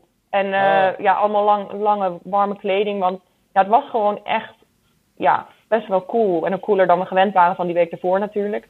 Ja. Dus, uh, en het was 's ochtends vroeg nog om 9 uur. Dus ik heb echt op het allerlaatste moment pas de boel uitgedaan. Ik wist ook niet, voor hetzelfde geld hadden we nog een, nog een bui op onze kop gekregen in de warming-up. Nou, dan kun je maar beter een beetje veel aan hebben. Ja, maar die warming-up van jou, hè? hoe lang is die warming-up? Nou, normaal loop ik voor wedstrijden 20 minuten in en dan oefeningen en zo. Dus dan begin ik een uur voor de wedstrijd. Mm -hmm. um, maar voor die marathon warm ik wat minder op. Ik heb het gevoel dat ik dan niet zoveel nodig heb. Dus dan ben ik er ook wat minder, doe ik het wat minder serieus. Dus uh, ja. een kwartiertje hebben we ingelopen. En toen, uiteindelijk heb ik op het laatst nog een paar versnellingjes gedaan, maar ook niet echt uitgebreide loopscholing of zo. Nee, ja. Nee, ik weet, ik weet nog toen ik ging hazen in, uh, in Londen, toen regende het heel hard. Gewoon, heel, gewoon voor de start en gewoon tijdens de hele race heeft het gewoon geregend. En toen, uh, nou, toen ging ik met een paar van die uh, loopmaatjes van mij, die dus wel ook de marathon zouden racen, gingen we wel een soort van inlopen. En dat deden we dan iets van vijf minuten. Maar we waren echt het langst aan het inlopen van iedereen. Want al die Afrikaanse atleten, die keken naar buiten, die stonden in die tent. En die dachten, ja, ik ga echt niet naar buiten. Dus die gingen gewoon één rondje lopen, echt zo, echt één minuut. En dan naar de start, oh, en pang, en we gaan. Dat was echt uh, gewoon geen warming-up. Die uh, hebben het gewoon tijdens de wedstrijd gedaan. Dat was vet grappig. ja, sowieso, hoe ja, langer de afstand, hoe minder uh, belangrijk de warming-up is. Ja, dat is ook waar. Ja. Dat is waar. Ja. ja. Hey, en, en, en nog even over die race zelf. Hè? En, en in relatie met die voorbereiding. Nou, je zei al, die voorbereiding zelf begon misschien nou ja, wat typisch. Maar um, was die voorbereiding daarna zo goed dat je aan de start stond met het gevoel, nou, echt een goede kans? Of, of ging jij die race in zondag met, nou, het wordt gewoon al, alles of niets, zeg maar. Hoe, hoe, hoe heeft die opbouw of die voorbereiding ervoor gezorgd, met wat voor gevoel stond je aan de start? En dan met relatie tot die Olympische limiet. Nou, ik wist wel dat, ik er, dat het erin zou kunnen zitten, want dat hadden de trainingen wel uitgewezen. Um, ja, wat John en ik, John is mijn, trainer, uh, eigenlijk doen is, die eerste marathon ging al heel goed. Dus de tweede keer hebben we dat soort van gekopieerd en dan dingen geperfectioneerd. En nu weer, uh, dus uh, de, weer het, het, het, schema van toen erbij gehaald en gewoon dingen net iets anders gedaan of net iets aangescherpt. Um, en dat heeft als voordeel dat uh, ik weet welke training ik toen deed in de voorbereiding en wat het voor relevantie had voor mijn eindtijd. Dus mm -hmm. ik kon nu, voor mezelf haalde ik er vertrouwen uit dat ik bepaalde trainingen deed op die limiettijd. Ja. Die ik, um, en ik weet een beetje als ik die doe en als ik dat kan, en dan moet het er in de race ook wel in zitten. Wat was bijvoorbeeld zo'n training waar je dan heel veel zelfvertrouwen uit haalde? Ja, dat is leuk. Uh, nou, ik heb op, uh, in het begin ging, want ik doe dus één keer per week marathonblokken. Daar heb ik het dan eigenlijk over. Dus blokken op uh, marathontempo, op beoogd marathontempo. En die worden steeds langer. Um, en de eerste gingen niet zo goed, want ik had natuurlijk eerst dat pijntje. Dus die eerst in week 1 viel al helemaal weg. En toen um, in St. Moritz had ik ook nog een keer had ik de hoogte onderschat. Dus die, mijn laatste marathonblokken daar, die gingen ook niet goed. Dus even een vraagje Nederland... hoor, voordat je verder ja. gaat. De marathonblokken, die gingen natuurlijk eerst op een ander tempo dan nu. Dus dat is ook, behalve dat, het, dat, het, dat je het dan zwaarder maakt trainen, is ook sneller dus. Sneller tempo. Ja, want ik train steeds op een oog marathontempo. Dus mijn eerste ja. marathon gingen ze geloof ik in 3.40 of zo. En ja. bij de tweede in 3.36 en nu dan op 3.28, 3.29. Ja. Um, eigenlijk een fractie nog wel rustiger dan dat de limiet was. Maar ook dat weet ik van, ik deed dat bij die andere marathons ook liep ik uiteindelijk harder dan dat ik um, dan dat die blokken uitwezen, zeg maar. Ja. Want je hebt natuurlijk, uh, je bent dan helemaal fris en zo, dus dan kan je nog net wel wat harder. Ja. Dus, um, en toen op een gegeven moment kwam ik terug en na, na vijf of zes weken heb ik vier keer vijf kilometer gedaan. En die ging goed. En die ging ook, um, John had gezegd, nou begin maar op 3,34 en dan 3,32, 3,30. Maar die gingen eigenlijk al redelijk makkelijk richting dat 3,30 tempo. En toen heb ik ook nog een keer een sessie gedaan van drie keer acht kilometer. En dat ging ook allemaal uh, 330 of sneller, zeg maar, uh, qua gemiddelde. Dus toen wist ik wel van, nou, het kan wel. Het zou wel mm -hmm. kunnen. Maar het was alsnog ook wel, uh, wat zei je, dood op de gladiolen of alles of niet. Ja, ja. Want ja, het was natuurlijk wel heel veel harder dan ik al had gelopen. En uh, ik heb wel lang getwijfeld, moet ik nou op 228 of zo weggaan of moet ik op die limiet weggaan? Ja, ja, want op een gegeven moment werden die lijsten bekendgemaakt met alle deelnemers en hazen. En toen stond er achter jouw haas nog de tijd van 2,28. Of is dat, dat heeft nog daarmee te maken? Of heb jij pas laat besloten om toch, toch nog harder te gaan? Ja, klopt. Ja, op een gegeven moment, al zes weken van tevoren of zo, vroeg de organisatie van, ja, wat, wie is je haas? Want ik mocht een persoonlijke haas meenemen. En uh, op welke tijd gaan jullie weg? En toen heb ik doorgegeven 2,28. Um, en pas drie weken van tevoren of zo, als ik al mijn marathonblokken heb gedaan, um, dan bepaal ik van wat de definitieve hm. tijd wordt. Ja. En toen heb ik besloten, nee, ik ga gewoon voor die Olympische limiet. Ook omdat het natuurlijk wel een aantal voordelen had om dan met je persoonlijke haast. Uh, ik wist dat er een groep kwam, een, een grote groep op de internationale limiet met andere vrouwen en eigen haast en zo. Dus wij hoefden, ons treintje hoeft daar alleen maar bij aan te sluiten. En dat heeft natuurlijk ook voordelen. Ja. ja. En wat is dan, zeg maar, want je zei net drie keer acht kilometer. Wat, wat is het langste volume wat je echt op een marathontempo hebt gedaan voor de marathon? Het grootste ja, ik volume? had voor Rotterdam was drie keer zeven kilometer, dus 21 ja. kilometer in totaal. Ja. En dan had ik ook wel meerdere trainingen die rond de 20, 21 zaten. En nu ja. was drie keer acht, dat is 24. Dus daar hebben we er één stapje bovenop gedaan. En dat was ook, ja, ik wilde dat graag. Dus uh, John had gezegd, nou doen we weer drie keer zeven. En toen zei ik, nou, ik zou ja. het wel gaaf vinden om drie, drie keer af te doen en kijken of dat ook gaat. Uh, Rara, wat wordt het voor Parijs? Ja, drie keer. Nee. Maar uh, ging je toen stuk, die training? Of uh, toen ging het zo goed dat je dacht van, nou ja, dit kan ik makkelijk nog een stukje verder doen? Nee, niet dat laatste. Nee, ik was er wel echt, ik ben altijd wel stuk aan het eind van die blokken, maar wel ja. pas aan het eind. Dus zeg maar de laatste drie of vier kilometer van de laatste acht kilometer. Toen kreeg ik ook stijve pillen en alles ging protesteren. En toen was ik echt blij toen het erop zat. Was ik echt wel aan het aftellen. Dus ja, dan het is ook eigenlijk bizar. Ja, Su- Suzanne, ja, of jullie zullen dat allebei wel herkennen. Dat je soms trainingen doet. Ja, drie keer acht kilometer, dat is 24 kilometer. En ik was echt, na, na 21 was ik al echt redelijk kapot. Ja. Ehm dus haast onvoorstelbaar om dan te bedenken dat je dat gewoon allemaal achter elkaar en dan nog ja, zonder pauze. 42 kilometer lang kunt doen. Maar dat kan dan blijkbaar gewoon. Ja, dat is de magic hè, als je een startnummer opdoet, hè. Maar dat is, eh, ja, ik, is, ja, dat is heel Oh, bijzonder. maar ik heb dat eh, zeg maar helemaal aan het begin van die marathontraining. Dus eh, jij zegt eh, twaalf weken van tevoren. Als je dan het eerste blokje, dat is soms maar 10 minuten. Dat is het. Voor de rest helemaal niks. Hè. Gewoon Ja. 10 minuten marathontempo in een duurloop. En dan denk je, hoe, hoe ga ik dit een marathon doen, jongens? Dat is onmogelijk. Ja, maar nu hebben we dus van Anne geleerd dat je eigenlijk moet inzetten op een tempo iets langzamer dan je marathontempo. Ja. En dat dat wel goed komt tijdens Ja, de misschien ben marathon. ik altijd Kijk, en dan haal je er iets meer zelfvertrouwen uit. Ja, inderdaad. Dat jij dan meteen op uh, Kipchoge's eh, tempo Ja, weggaat, dat is ook ja. gewoon niet handig. Hey Anne, we hadden gisteren een, eh, een oproepje gedaan. Hè? En dat doen we wel vaker. En dan komen er, eh, kunnen mensen vragen stellen Oh ja. voor onze gast. Excuus voor de foto trouwens, maar zo'n zo'n mooie na de vaatjesfoto, die konden we niet laten liggen. Ik heb echt nog nooit zulke verschrikkelijke finishfoto's gehad. Maar ik had gewoon zelf geen energie meer om even mijn handje op te steken. Dat was wel echt heel erg. Oh, mooi. Ik vond ze prachtig. Het zijn juist wel mooi. Charmant, Ja. maar de vaantjes. Dat ja, was maar het. ja, dat is toch het bewijs dat je, dat je er alles uit hebt gehaald. Precies. Eh, en ik krijg weer heel veel vragen. En, eh, maar eh, een vraag die heel vaak kwam. ehm, en ik, volgens mij weet ik wel deels het antwoord. Eh, waarom loop je met twee horloges? Want op die foto zie je echt heel duidelijk twee horloges. Eh, kun je daar iets over vertellen? Ja, daar kan ik wel iets over vertellen. Nou, de organisatie, volgens mij hebben ze dat vorig jaar voor het eerst gedaan. Die laten de topatleten met runpucks lopen. Dus het was geen horloge. Het was een soort van ja, apparaatje. ehm, waarmee ze dan de tussentijden van de topatleten in beeld kunnen brengen tijdens de race. Maar volgens mij heeft die niet gewerkt. Ja, die heeft wel dat weet ik gewerkt, niet zeker. gewerkt. Ja, ja, ja, ja want eh, dat was zo, zo fijn. Die eh, werkte wel. En daardoor zag je dus... Oh, leuk. eh, volgens mij zat jij iets van, van eh, op 40... Nee, 35 kilometer zat je iets van twee seconden onder dat schema of zo. Dus vanaf toen zei iedereen, ah nee, oh nee. Dus dat is wel Oh. mooi dat dat dan... eh, Het is me helemaal niet opgevallen dat anderen dat ook hadden. Bij jou zag ik het ook wel. Maar het is me inderdaad niet opgevallen. Maar er hadden, meerdere atleten hadden dat dus blijkbaar.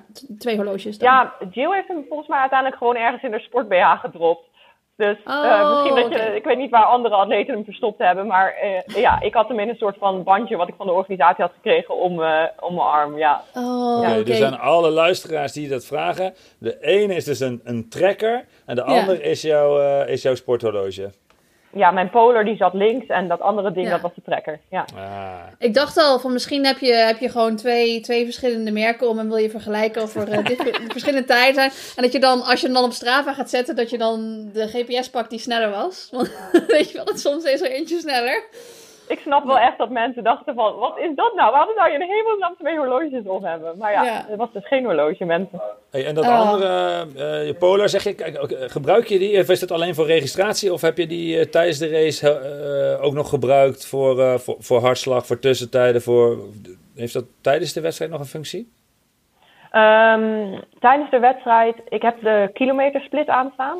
Dus eh, dan weet ik, ehm, kijk, je weet van tevoren natuurlijk niet eh, hoe de race gaat lopen. En dit keer was het ideaal met een tempomaker die helemaal tot het eind mee kon en eh, die de tijden wel in de gaten hield. Maar voor hetzelfde geld loop je na eh 30, kom je helemaal alleen te lopen en moet je het zelf opknappen. En ehm, dan kan ik dus via die kilometersplit zien van, ook al wordt het zwaar, of ik nog wel of niet op schema lig. Dus dat vind ik een handige functie, maar die heb ik nu eigenlijk. Ik heb er geloof ik één keer op gekeken na, toen, Ja. toen ik het gevoel van oh, gevoel had van oh, dit wordt zwaarder. En toen wees mijn horloge ook uit dat die kilometer snel was geweest. Dus dat bevestigde mijn gevoel, dus dat was wel Ja. fijn. Het voelde niet voor niks wat zwaarder aan.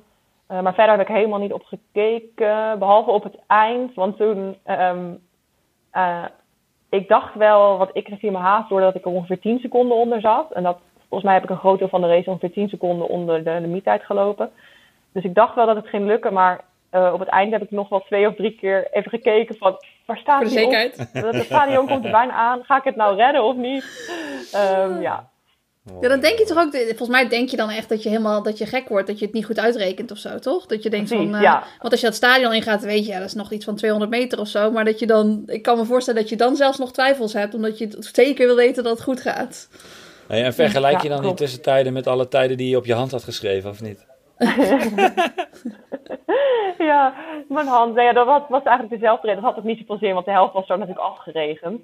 Maar eh, dat had het, was hetzelfde idee. Dat ik dan in ieder geval bij de eh, elk 5 kilometer punt kon checken of ik wel of niet op die tijd liep. En daaruit of vertrouwen kon halen of eh, nou ja, moest gaan versnellen. Ja. Maar uiteindelijk heeft, heeft de haast dat ook voor zijn rekening genemen- genomen. Dus heb ik er weinig naar hoeven te kijken. En trouwens, ik had daar ook echt, ik kon ook niet meer. Ja, dan, ik heb wel gekeken op een gegeven moment, maar ik kon ook niet meer registreren wat er op mijn hand stond en wat er op de klok stond. En wat er dan, welke daarvan dan harder was en zo. Dat, dat ging allemaal niet meer. Nee, er is geen lopen. energie meer voor. Hey, ik heb nog wel een vraag. Ja, misschien, komt, misschien heeft Imo die ook, want ik weet het niet. Hij heeft heel veel vragen, maar ik ga er gewoon lekker doorheen. Ehm, je keuze voor Amsterdam. Want ik weet nog toen we jou de laatste keer, keer spraken, dan- toen had je, zei je ook wel van Rotterdam. Dat is toch zo speciaal. En ik weet niet of ik ooit Amsterdam ga lopen. En toen waren we Imo een beetje aan het pesten dat, dat eh, Rotterdam eh, misschien beter zou zijn dan Amsterdam. Eh, hoe, de- hoe denk je daar nu over? En, en ten tweede van hoe ben je tot de keuze gekomen om wel gewoon in Amsterdam te gaan lopen? Ehm, nou, ik vind Amsterdam echt eh superleuk. Dus veel leuker dan ik had verwacht. Ehm, en het parcours vind ik ook makkelijker dan ik dacht. Maar ik had het misschien voor mezelf een beetje opgeblazen. Maar ik had natuurlijk heel veel mensen gevraagd hoe het parcours was. En sommigen hadden toch wel aangegeven dat er op bepaalde plekken dat het niet zo snel was. En dat was vooral in het begin, de eerste vijf of zo. Maar dan zit je nog, toch nog relaxed. Ehm, dus het parcours was eh, beter en sneller dan ik had verwacht. Ehm, ik vond het ook gezellig langs de kant. Niet zoveel mensen als in Rotterdam, maar ook niet, eh, echt niet uitgestorven. Eh, er waren echt eh, ook veel mensen. Ehm, en eh, Le Champion, die deze wedstrijd organiseert, die was ook wel heel ehm, eh, gastvrij richting alle topatleten. En dat is natuurlijk ook heel fijn om richting zo'n race gewoon, eh, ja, dat alles goed voor je verzorgd is. En dan kun je ja, met een gerust hart ook aan die race beginnen. Ja. Dus dat was wel heel, heel leuk. En waarom heb ik, ben ik voor Amsterdam gegaan en niet voor een andere? Nou, ik wilde wel nu een poging wagen. Dus dan werd het of Berlijn of Amsterdam. Nou, Berlijn staat erom bekend dat die dan toch wel wat sneller is. Eh, eh, misschien wel het snelste parcours ter wereld. Ehm, alleen ehm, Amsterdam, ja, waarom ben ik eigenlijk uiteindelijk voor Amsterdam gegaan? Ik vond het toch wel heel gaaf om weer een Nederlandse marathon te doen. Ja, ik hou daar gewoon van. En ik vind het ook lekker dat ik dan weet dat, dat ik daar niet ehm, een soort van anoniem kom. Ja. En ik heb dat ook nodig, dat er wat mensen langs de kant staan die, die ik daadwerkelijk ken, die niet onbekend zijn voor me. En, Merkte je eh, dat ook echt? Dat je, ja. Werd je veel aangemoedigd? Ja, maar ehm, vooral de eerste 20 kilometer heb ik het eh, geregistreerd en daarna niet meer. Onbewust Ja. misschien. Ja. Ja, wel, ik hoorde wel dingen, maar ik zag niemand meer. Dus ik hoorde dan wel mijn naam of zo, maar ik zag geen mensen langs de kant meer staan of zo. Ja. Ja. Ja. Mooi. Hey, ehm, nou ja, twaalf weken voorbereiden. Een perfecte dag eh gisteren. Dat, eh, dat moet gevierd worden. Hoe is dat, eh, hoe is dat gebeurd? Op wat voor Nou, het gaat vooral nog gebeuren. Het gaat vooral Oh. nog gebeuren. Ik had al voor de wedstrijd gezegd tegen mijn hardloopmaatjes in Arnhem van donderdag na de race gaan we, gaan we eh, aan de borrel. Gaan we het café in. Of het nou goed gaat of niet. Dus eh, er zal sowieso een verhaal te vertellen zijn en eh, we moeten bijpraten. Dus eh, nou, gelukkig valt er daadwerkelijk wat te vieren. Dus eh, donderdagavond eh, ja, gaan we los in Arnhem. en tot die tijd eh, ja, zijn er natuurlijk heel veel mensen die eh, we willen feliciteren. Of Ja. eh, die willen weten hoe de race is gegaan. Dus dat is hartstikke leuk. Eh, maar ja, je bent ook echt wel brak na zo'n marathon. Je denkt van tevoren van, ach, als die marathon eenmaal voorbij is, dan ga ik dit en dit en dit en dit doen. Maar ja, ik was, ja, je hebt me gezien gisteren, Imo. Oh. Ik was niet heel, eh, ja, er zat niet heel veel meer energie meer in mijn lichaam om nog uitgebreid, uitgebreid te gaan feesten of zo. Nee. Maar heb je wel een klein beetje, want vorige keer heb je taartje gegeten en Chinees of zo, geloof ik. Ik weet het niet meer precies. Maar ja, vorige keer zat ik aan de taart. Nu hebben we, ehm, even denken. Oh ja, het was leuk, want we, terug in het hotel was er nog een uitgebreide lunch voor eh, alle atleten die nog, hè, we mochten, hoefden pas om vier uur uit te checken, dus dat was echt super leuk. Dus wat ook wel grappig was, toen kwamen er gewoon mensen naar me toe en die zeiden, ik moest, ik heb met tranen in mijn ogen naar je race gekeken. En dat is wel Ja. echt bizar om, eh, ik heb nog nooit eerder gehad dat, men, dat ik mensen aan het huilen heb gemaakt met mijn, Ja. met mijn race. Ehm, dus dat zijn gewoon bijzondere dingen. En ik heb eh, ja, met eh, mensen gebeld die ik ken, die, die, die graag wilden horen hoe ik het had beleefd. En, eh, maar ik ben nog niet eh, eh, wild aan de alcohol gegaan of zo. Dat, eh, Nee. Oh nee, nee ik vieren hoeft niet voor. altijd met alcohol, maar dat kan ook Nee. best, eh, nou ja, met, met, met ja. Chinees. En met de mensen die bij je Ja, voorbereiding waren en zo natuurlijk. Ehm, ik moet zeggen, ja, ik had ook, ik, ik, keek, ik was, stond op de cross trainer, zei ik net tegen, tegen Imo, terwijl ik eh, jouw race aan het kijken was. Maar ik denk ook, ja, heel veel mensen die, die reageren ook zo op je race, denk ik. Ik kreeg ook echt kippenvel van jouw race, om, gewoon vanwege het verhaal erachter natuurlijk. En we weten dat van vorige keer van, van, van Rotterdam heb je daar al veel over verteld. Maar ik vind het zo mooi om te zien dat je dan, eh, nou ja, zeg maar, fysiek bijna iets uit je lichaam kan halen. Wat, wat nou ja, eigenlijk bijna onmogelijk lijkt, omdat je mentaal zo sterk bent. Dus ik denk dat dat, nou, heeft in ieder geval mij geïnspireerd, maar ik denk ook heel veel andere mensen. Dus dat vond ik echt wel, eh, ja, dat is een, een, mooi onderdeel van jouw verhaal. En dan zie je hoe, hoe leeg je ook over de finish komt. En dan zie je ook van, ja, je hebt ook echt alles gegeven. En nou ja, ik kan me voorstellen dat dit, dat dit nu je naar de vaantjes verhaal is. Of, eh, ja, dit is wel echt, eh, ja, was echt nog ook weer anders dan die andere twee marathons. eh. mhm. En ja, ik denk niet dat ik ooit eerder zo kapot ben gaan. Maar ook niet, niet eerder. Het was voor mij ook een nieuwe ervaring om zo die. die te- ik wist zelf ook niet precies wat er me overkwam, zeg maar tijdens de race. Ook dat ik zo in die tunnel zat. En, eh, dus wat dat, dat betreft is het ook wel. eh, ik heb al heel wat eh, wedstrijden gelopen in mijn leven. Maar dit was toch wel weer een nieuwe manier van eh, kapot gaan. Ja, ja. Ja. Ja, dat is, ja, dat is mooi. ja, want we, toen we deze podcast begonnen, toen hadden we het eigenlijk ook over van... Nou, we noemen hem naar de vaantjes, maar wat is naar de vaantjes gaan? Hè? Je kunt, eh, kunt eh, nu de deur uitlopen en 400 meter zo hard mogelijk gaan sprinten en dan verzuur je compleet. Maar ben je dan naar de vaantjes gegaan? En dat, dat is zo mooi aan de marathon in het algemeen, maar ook jouw verhaal, is dat je dan nou ja, laag op laag op laag sterk moet zijn en, en iets moet bouwen om uiteindelijk dat op die dag eruit te laten komen. En dan kun je nog zo extreem harder naar de vaantjes gaan dan, dan, dan dat het een soort van Ja. korte opbouw was. Dus dat is, eh, ja, wat mij betreft is dit eh, een ultiem naar de vaantjes eh, verhaal. Ja, ja, ja, zeker weten. Ja. Hey, en, en nu, Anne? Ehm, er is dus nu staat er in je agenda zo ergens in augustus een marathon gepland. Ehm, hoe ziet die, of ben je daar nog helemaal niet mee bezig? Hoe ziet die, die route daar naartoe eruit? Ja, ik denk nooit verder dan de volgende marathon. Dus die route gaan we de komende tijd vormgeven. Het is natuurlijk wel zo dat ik nog niet zeker ben van de Olympische Spelen. Eh, maar eh, in de planning ga ik er wel vanuit dat ik er mag staan en dat ik daar eh, in Parijs mag gaan, gaan lopen. Ehm, en het zal een hele andere marathon worden dan ik gewend ben.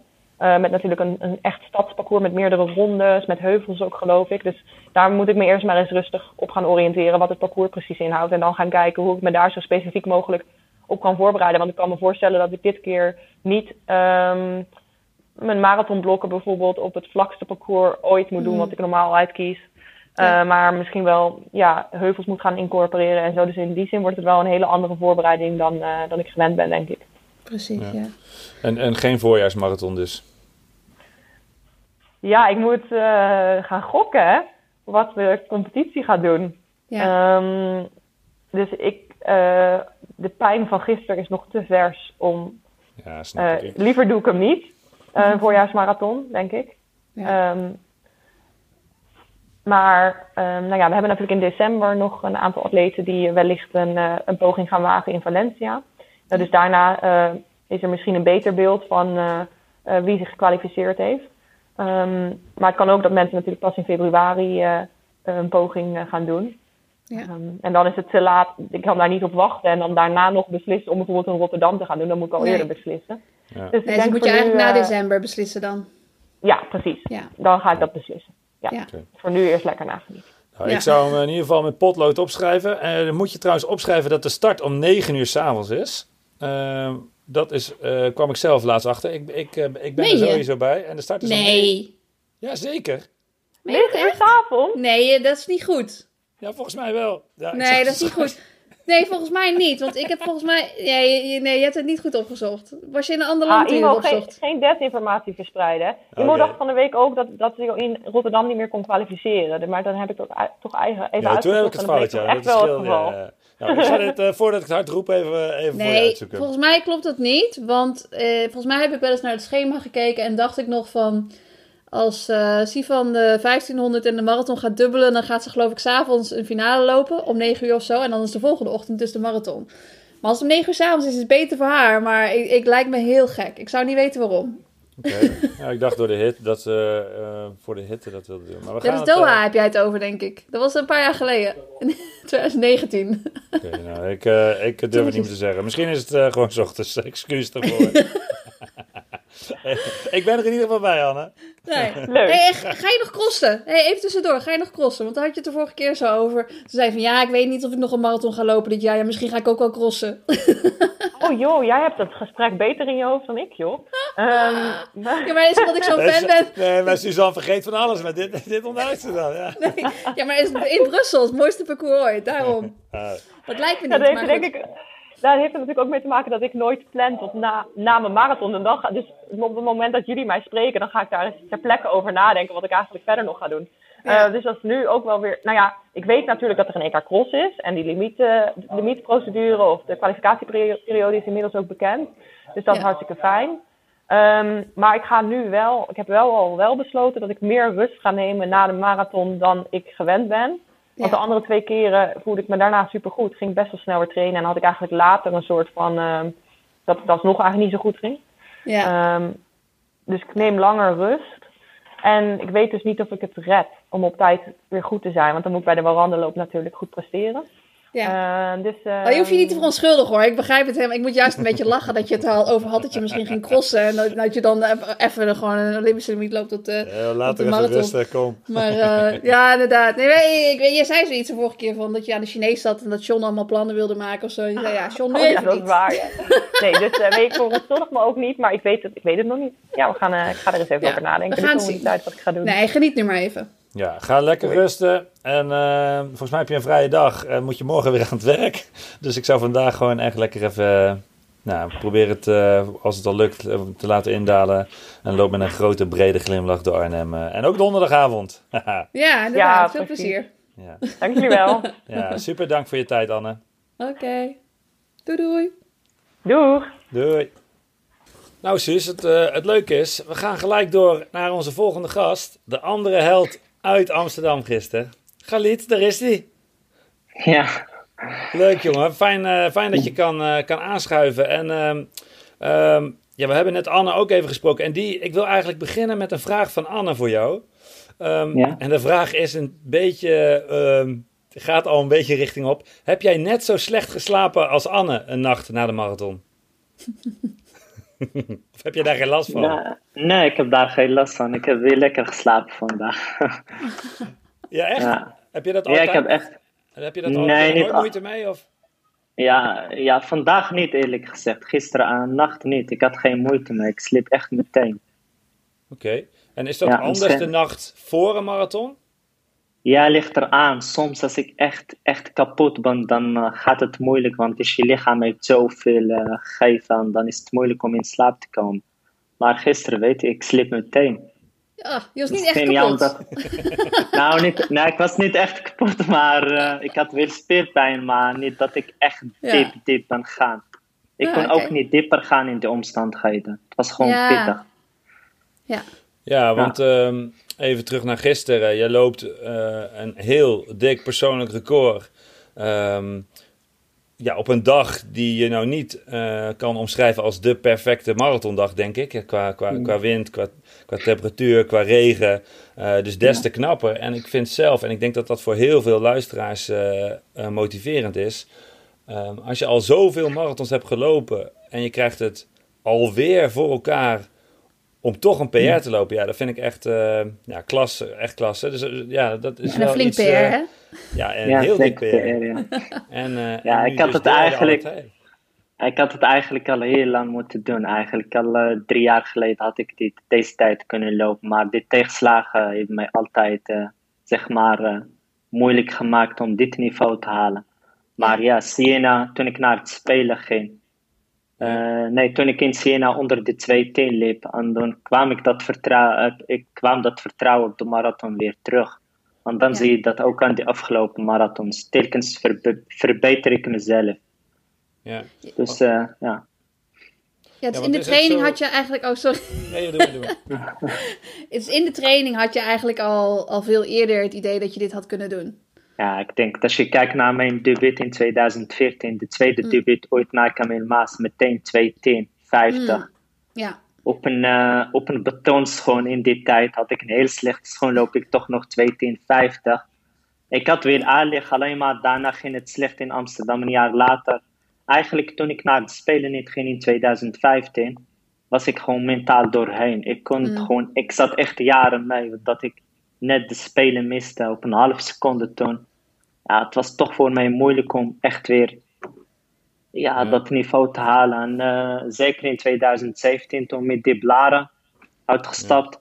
Ja. En in 2018 die valpartij. En toen begon ik eigenlijk een beetje te twijfelen. Ben ik echt weer marathonloper? Is dit weer iets voor mij, weet je? En dan mhm. begon ik aan mezelf te twijfelen. Niet dat ik het niet kan, maar zoveel tegenslagen gehad.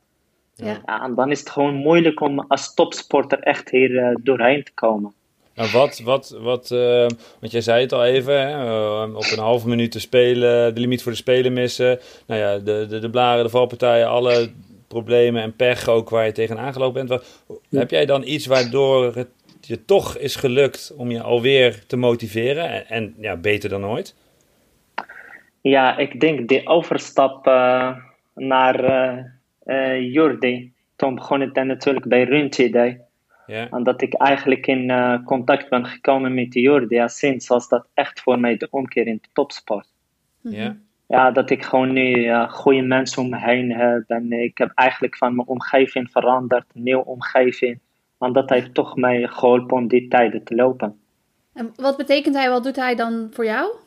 Ja, hij doet voor mij alles. Uh, ik alles. bedoel, uh, ja, echt alles wat ik wil. Uh, steunen, trainingskamp, materialen wat ik wil. Alles wat ik vraag, heeft hij nooit nee tegen mij gezegd. Ja. Alles wat ik wil, doet hij gewoon voor mij. Denk je dan ook dat zeg maar, uh, daardoor je voorbereiding nu uh, zeg maar, de beste voorbereiding was? Of heb je al eerder zo'n goede voorbereiding gehad, maar kwam het er toen gewoon niet uit? Nee, dit is echt een van mijn uh, beste voorbereidingen die ik gehad heb. was natuurlijk moeilijk toen een week voor Dam tot Dam dat ik natuurlijk met die aardbeving zat, maar dan heb ik die knop heel snel omgeschakeld. En mm toen ging het beter in te trainen. Maar ik denk als ik naar de voorgaande voorbereiding kijk en nu, is dit echt mijn beste. En natuurlijk wil ik ook Dave bedanken, Dave Klink, die mij een heel goede advies had gegeven om vaker op hartslag te trainen. Dat heb ik eigenlijk al jaren niet gedaan. Ja. Dus, uh, dus ben je rustiger gaan trainen dan? Juist, ik ben nu echt veel rustiger gaan trainen. In plaats van 2,50 per kilometer in de training liep ik nu 3,5, 3,6. Ja. En dan zie je dat gewoon terug in de wedstrijd, dat ik gewoon uitgerust ben. Want dat ik echt veel meer kan dan toen. Ik trainde misschien veel te hard. Ja, ja, heel goed. Ja. je zei net al even, want je, je liep meer zien in, in, in wedstrijden. In damloop liep je natuurlijk ook goed. En, maar toen heb ik ook nog een interview met je gezien. En toen had je het inderdaad over die aardbeving in, in Marokko. Jij was toen in Marokko aan het trainen? Ja, ik was toen aan het trainen. Ja, ik had dit dag een heel zwaar training. Bijna 20 kilometer inter, intervalstraining. En in de avond, op het moment om 11 uur, wilde ik gaan slapen. En toen begon het huis heen te schudden. En, eh, uh, ja, het was gewoon een heel moeilijk, heel moeilijk moment voor mij. Ik heb gewoon die dag buiten geslapen. Ja, het was gewoon verschrikkelijk. Ja. Was je, was je, uh, was je ook bang? Ja, natuurlijk was ik wel bang. Ja. ik bedoel, het hele huis heen en schudt en uh, je hoort aardbeving, zwaar aardbeving van 7.2 en dan is dat gewoon echt, die schrik zit het echt in hoor. Ja, ik bedoel, ik heb het nooit meegemaakt. En dan ochtends, stond, ja, ochtends om uh, volgens mij 8 uur, 9 uur. En toen hoor je van die slachtoffers dat in Zuid-Marokko heel veel slachtoffers zijn. Ja, zeg maar, heel veel mensen die overleden zijn aan aardbeving. En toen dacht ik, dit is echt niet goed. Het is gewoon een heel zware aardbeving. Ja, want op het moment zelf, ja, ja, ik heb gelukkig geen ervaring ermee, maar heb je dan gelijk door wat er gebeurt? Ja, je voelt het eigenlijk niet dat is raar. Je, voelt, je zit alleen maar thuis heen schudden. Mhm. Maar op dat moment sliep ik gewoon. En uh, ik denk misschien als ik opgestaan was, dan, dan ik dat echt uh, had gevoeld. Maar ik sliep op dat moment. En toen ging ik meteen ging ik naar buiten. Gewoon rennend naar buiten. Ik heb niet eens volgens mij, ik weet niet wat voor kleding ik had, maar ik had gewoon echt een, uh, een pyjama volgens mij. Ik weet niet wat ik aan had. Ik weet het echt niet meer hoor. Dus het was echt heel snel even naar buiten gaan niet in dat huis blijven. Voelt het dan een beetje gek als je dan, want de volgende dag ben je, ben je toen gaan trainen, zeg maar, voelt het een beetje gek dat je dan, nou ja, als hardloper aan het trainen bent voor een wedstrijd, wat dan eigenlijk niet zo belangrijk lijkt? Of, of, Of had je juist zoiets van, nou ja, ik wil alsnog goed presteren en, en, en kijken of ik het maximale uit mezelf kan halen. En ik wil het meer als motivatie gebruiken. Nee, voor mij was het niet echt als motivatie. Omdat de volgende dag dacht ik alleen maar van, ik wil hier Ja. gewoon weggaan. Ik, ik had geen zin. Ik wil gewoon weg. Ik had geen zin om te trainen. Die dag ben ik echt met de moeite gaan trainen gewoon. Ik heb een duurloop van een uurtje echt. Ik wilde Oh, helemaal niet gaan ja. trainen. Ik heb weer getraind, ja. Ja, Was je Maar niet dat daar? ik- Of met, was, je met, was je met iemand daar? Ja, ik was met familie. Die waren Mhm. ook op vakantie. Ja. Ja. En, en tijdens je voorbereiding ben je eigenlijk, want, want je, je was daar dus op training, trainingsstage ook. eh, ben je veel in het buitenland geweest of heb je ook veel in Nederland getraind voor, eh, voor deze marathon? Eh, ik ben veel in het buitenland geweest. Eh, ik zat eerst de twee maanden op hoogte. Daar heb ik echt mijn voorbereiding gehad. Ja, dus niet veel eigenlijk. Ik, eh, ik ben één keer per jaar op hoogte geweest. En daarna ben ik gewoon in Nederland eh, blijven trainen. Maar twee maanden wel en twee maanden achter elkaar. Eh, twee maanden achter elkaar, ja. Ja, dat is pittig toch? Of niet? Was Dat het is zwaar? echt heel pittig. Het was heel zwaar natuurlijk. Zonder mijn gezinnetje, zonder mijn dochter. Ik vond het weer moeilijk. Ja. ja, maar Ja. wel een, eh, een goede start van een goede voorbereiding. Dus. Ja, zeker. Ja. Ja, want we hadden het daar eh, van de week al even over, Galit. De, je bent dus wel op hoogte geweest, maar je hebt eh, volgens mij wel bewust gekozen om de laatste periode juist niet meer op hoogte te gaan, toch? Nee, klopt. Ik heb gekozen om gewoon echt op zijn niveau te trainen. Want ja, ik had maar een maand tijd. Ik liep dam tot dam. Ik ben ook heel diep gaan bij dam tot dam loop. Want dan heb je een week de tijd om te herstellen. En als je op hoogte gaat, dan duurt het herstellen nog langer. Ja. En toen zei eigenlijk Dave tegen mij van... Khalid, ik zou toch op zijn niveau trainen. Dan kan je ook veel sneller, zeg maar, je tempo's wat sneller doen. En je herstelt ook sneller van. Want dat pakt echt goed uit. Het was een goede beslissing. Ja. Ja, wat ik, wat ik ook altijd. eh, ehm, wij, ik, ik train met een groepje in Utrecht en jij hebt een tijdje in Utrecht gelopen. En eh, dan lopen wij soms wel eens een training en dan zeggen wij: Dit is het rondje van Galit. En ehm, dat is een, eh, ja, een vierkant blok die jij volgens Ja. mij in de coronatijd heel vaak gedaan hebt.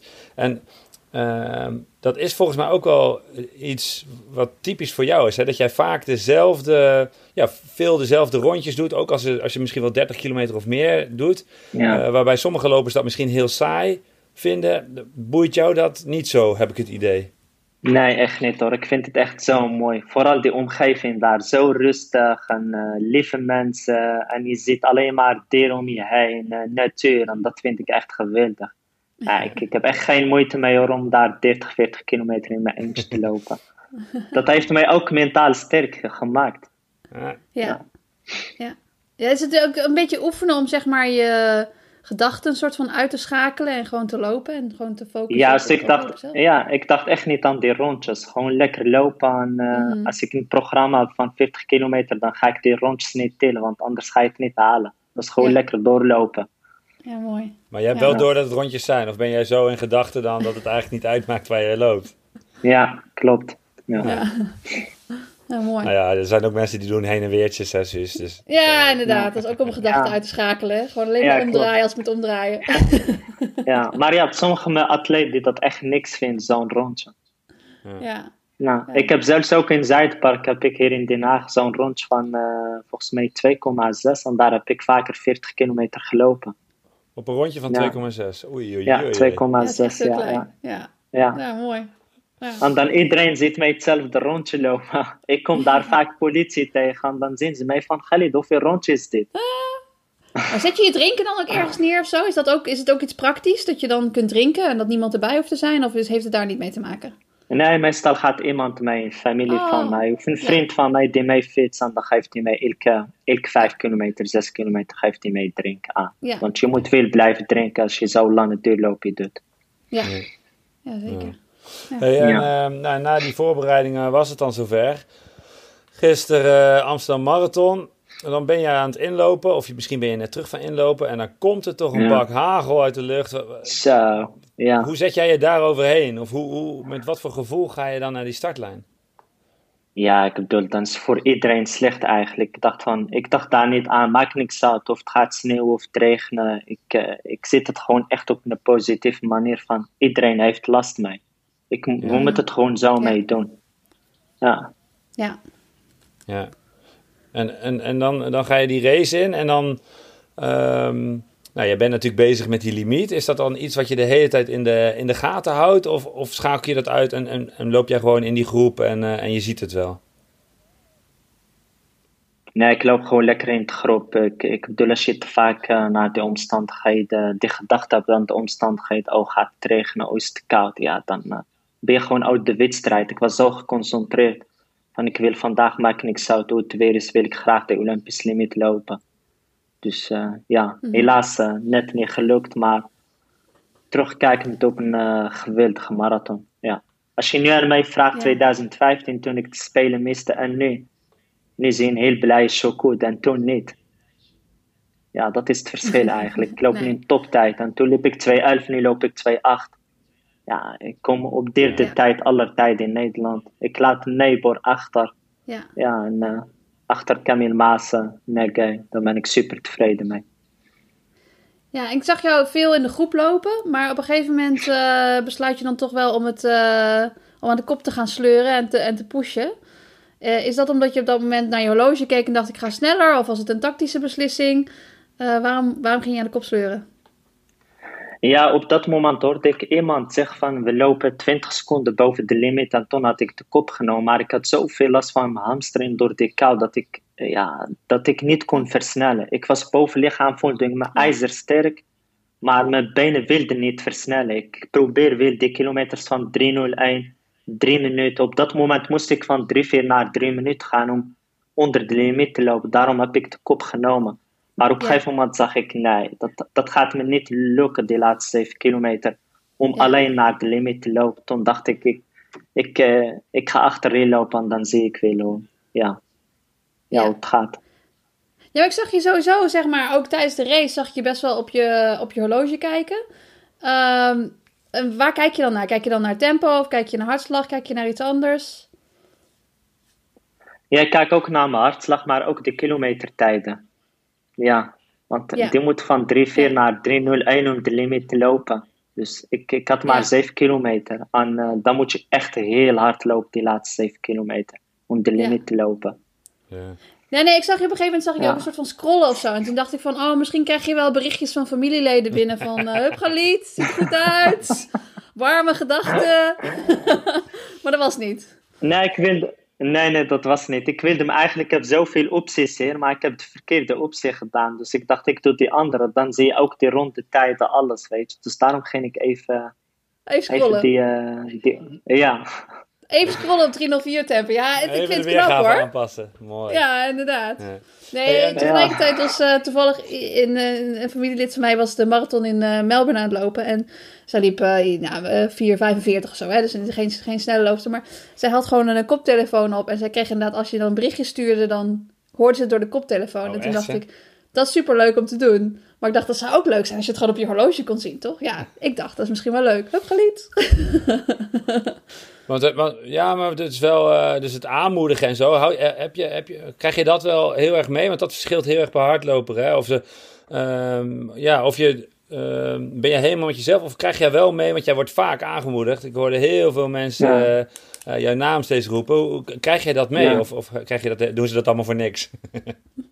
Jawel, ik, ik, ik heb vaak, eh, vaak gehoord van Khalid, die loopt op schema en dit, ja, je zit echt op de Olympisch limiet. Maar ik weet niet of dat klopt, eh, weet je. Want ja, ik, ik wist dan dat ik gewoon ja, net boven 15, 20 seconden boven de limiet eh, lag. Maar ik heb heel mooie aanmoediging gehoord. eh. ik heb vaak mijn naam gehoord onderweg. Ja. Dus eh, ja, het was een heel mooie wedstrijd.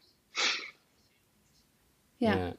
En qua communicatie, zeg maar, met de organisatie of zeg maar waar je loopt, eh, gebeurt dat, gebeurt dat veel? Of, of, of ben je gewoon toch een beetje in de zone met je eigen groepje bezig?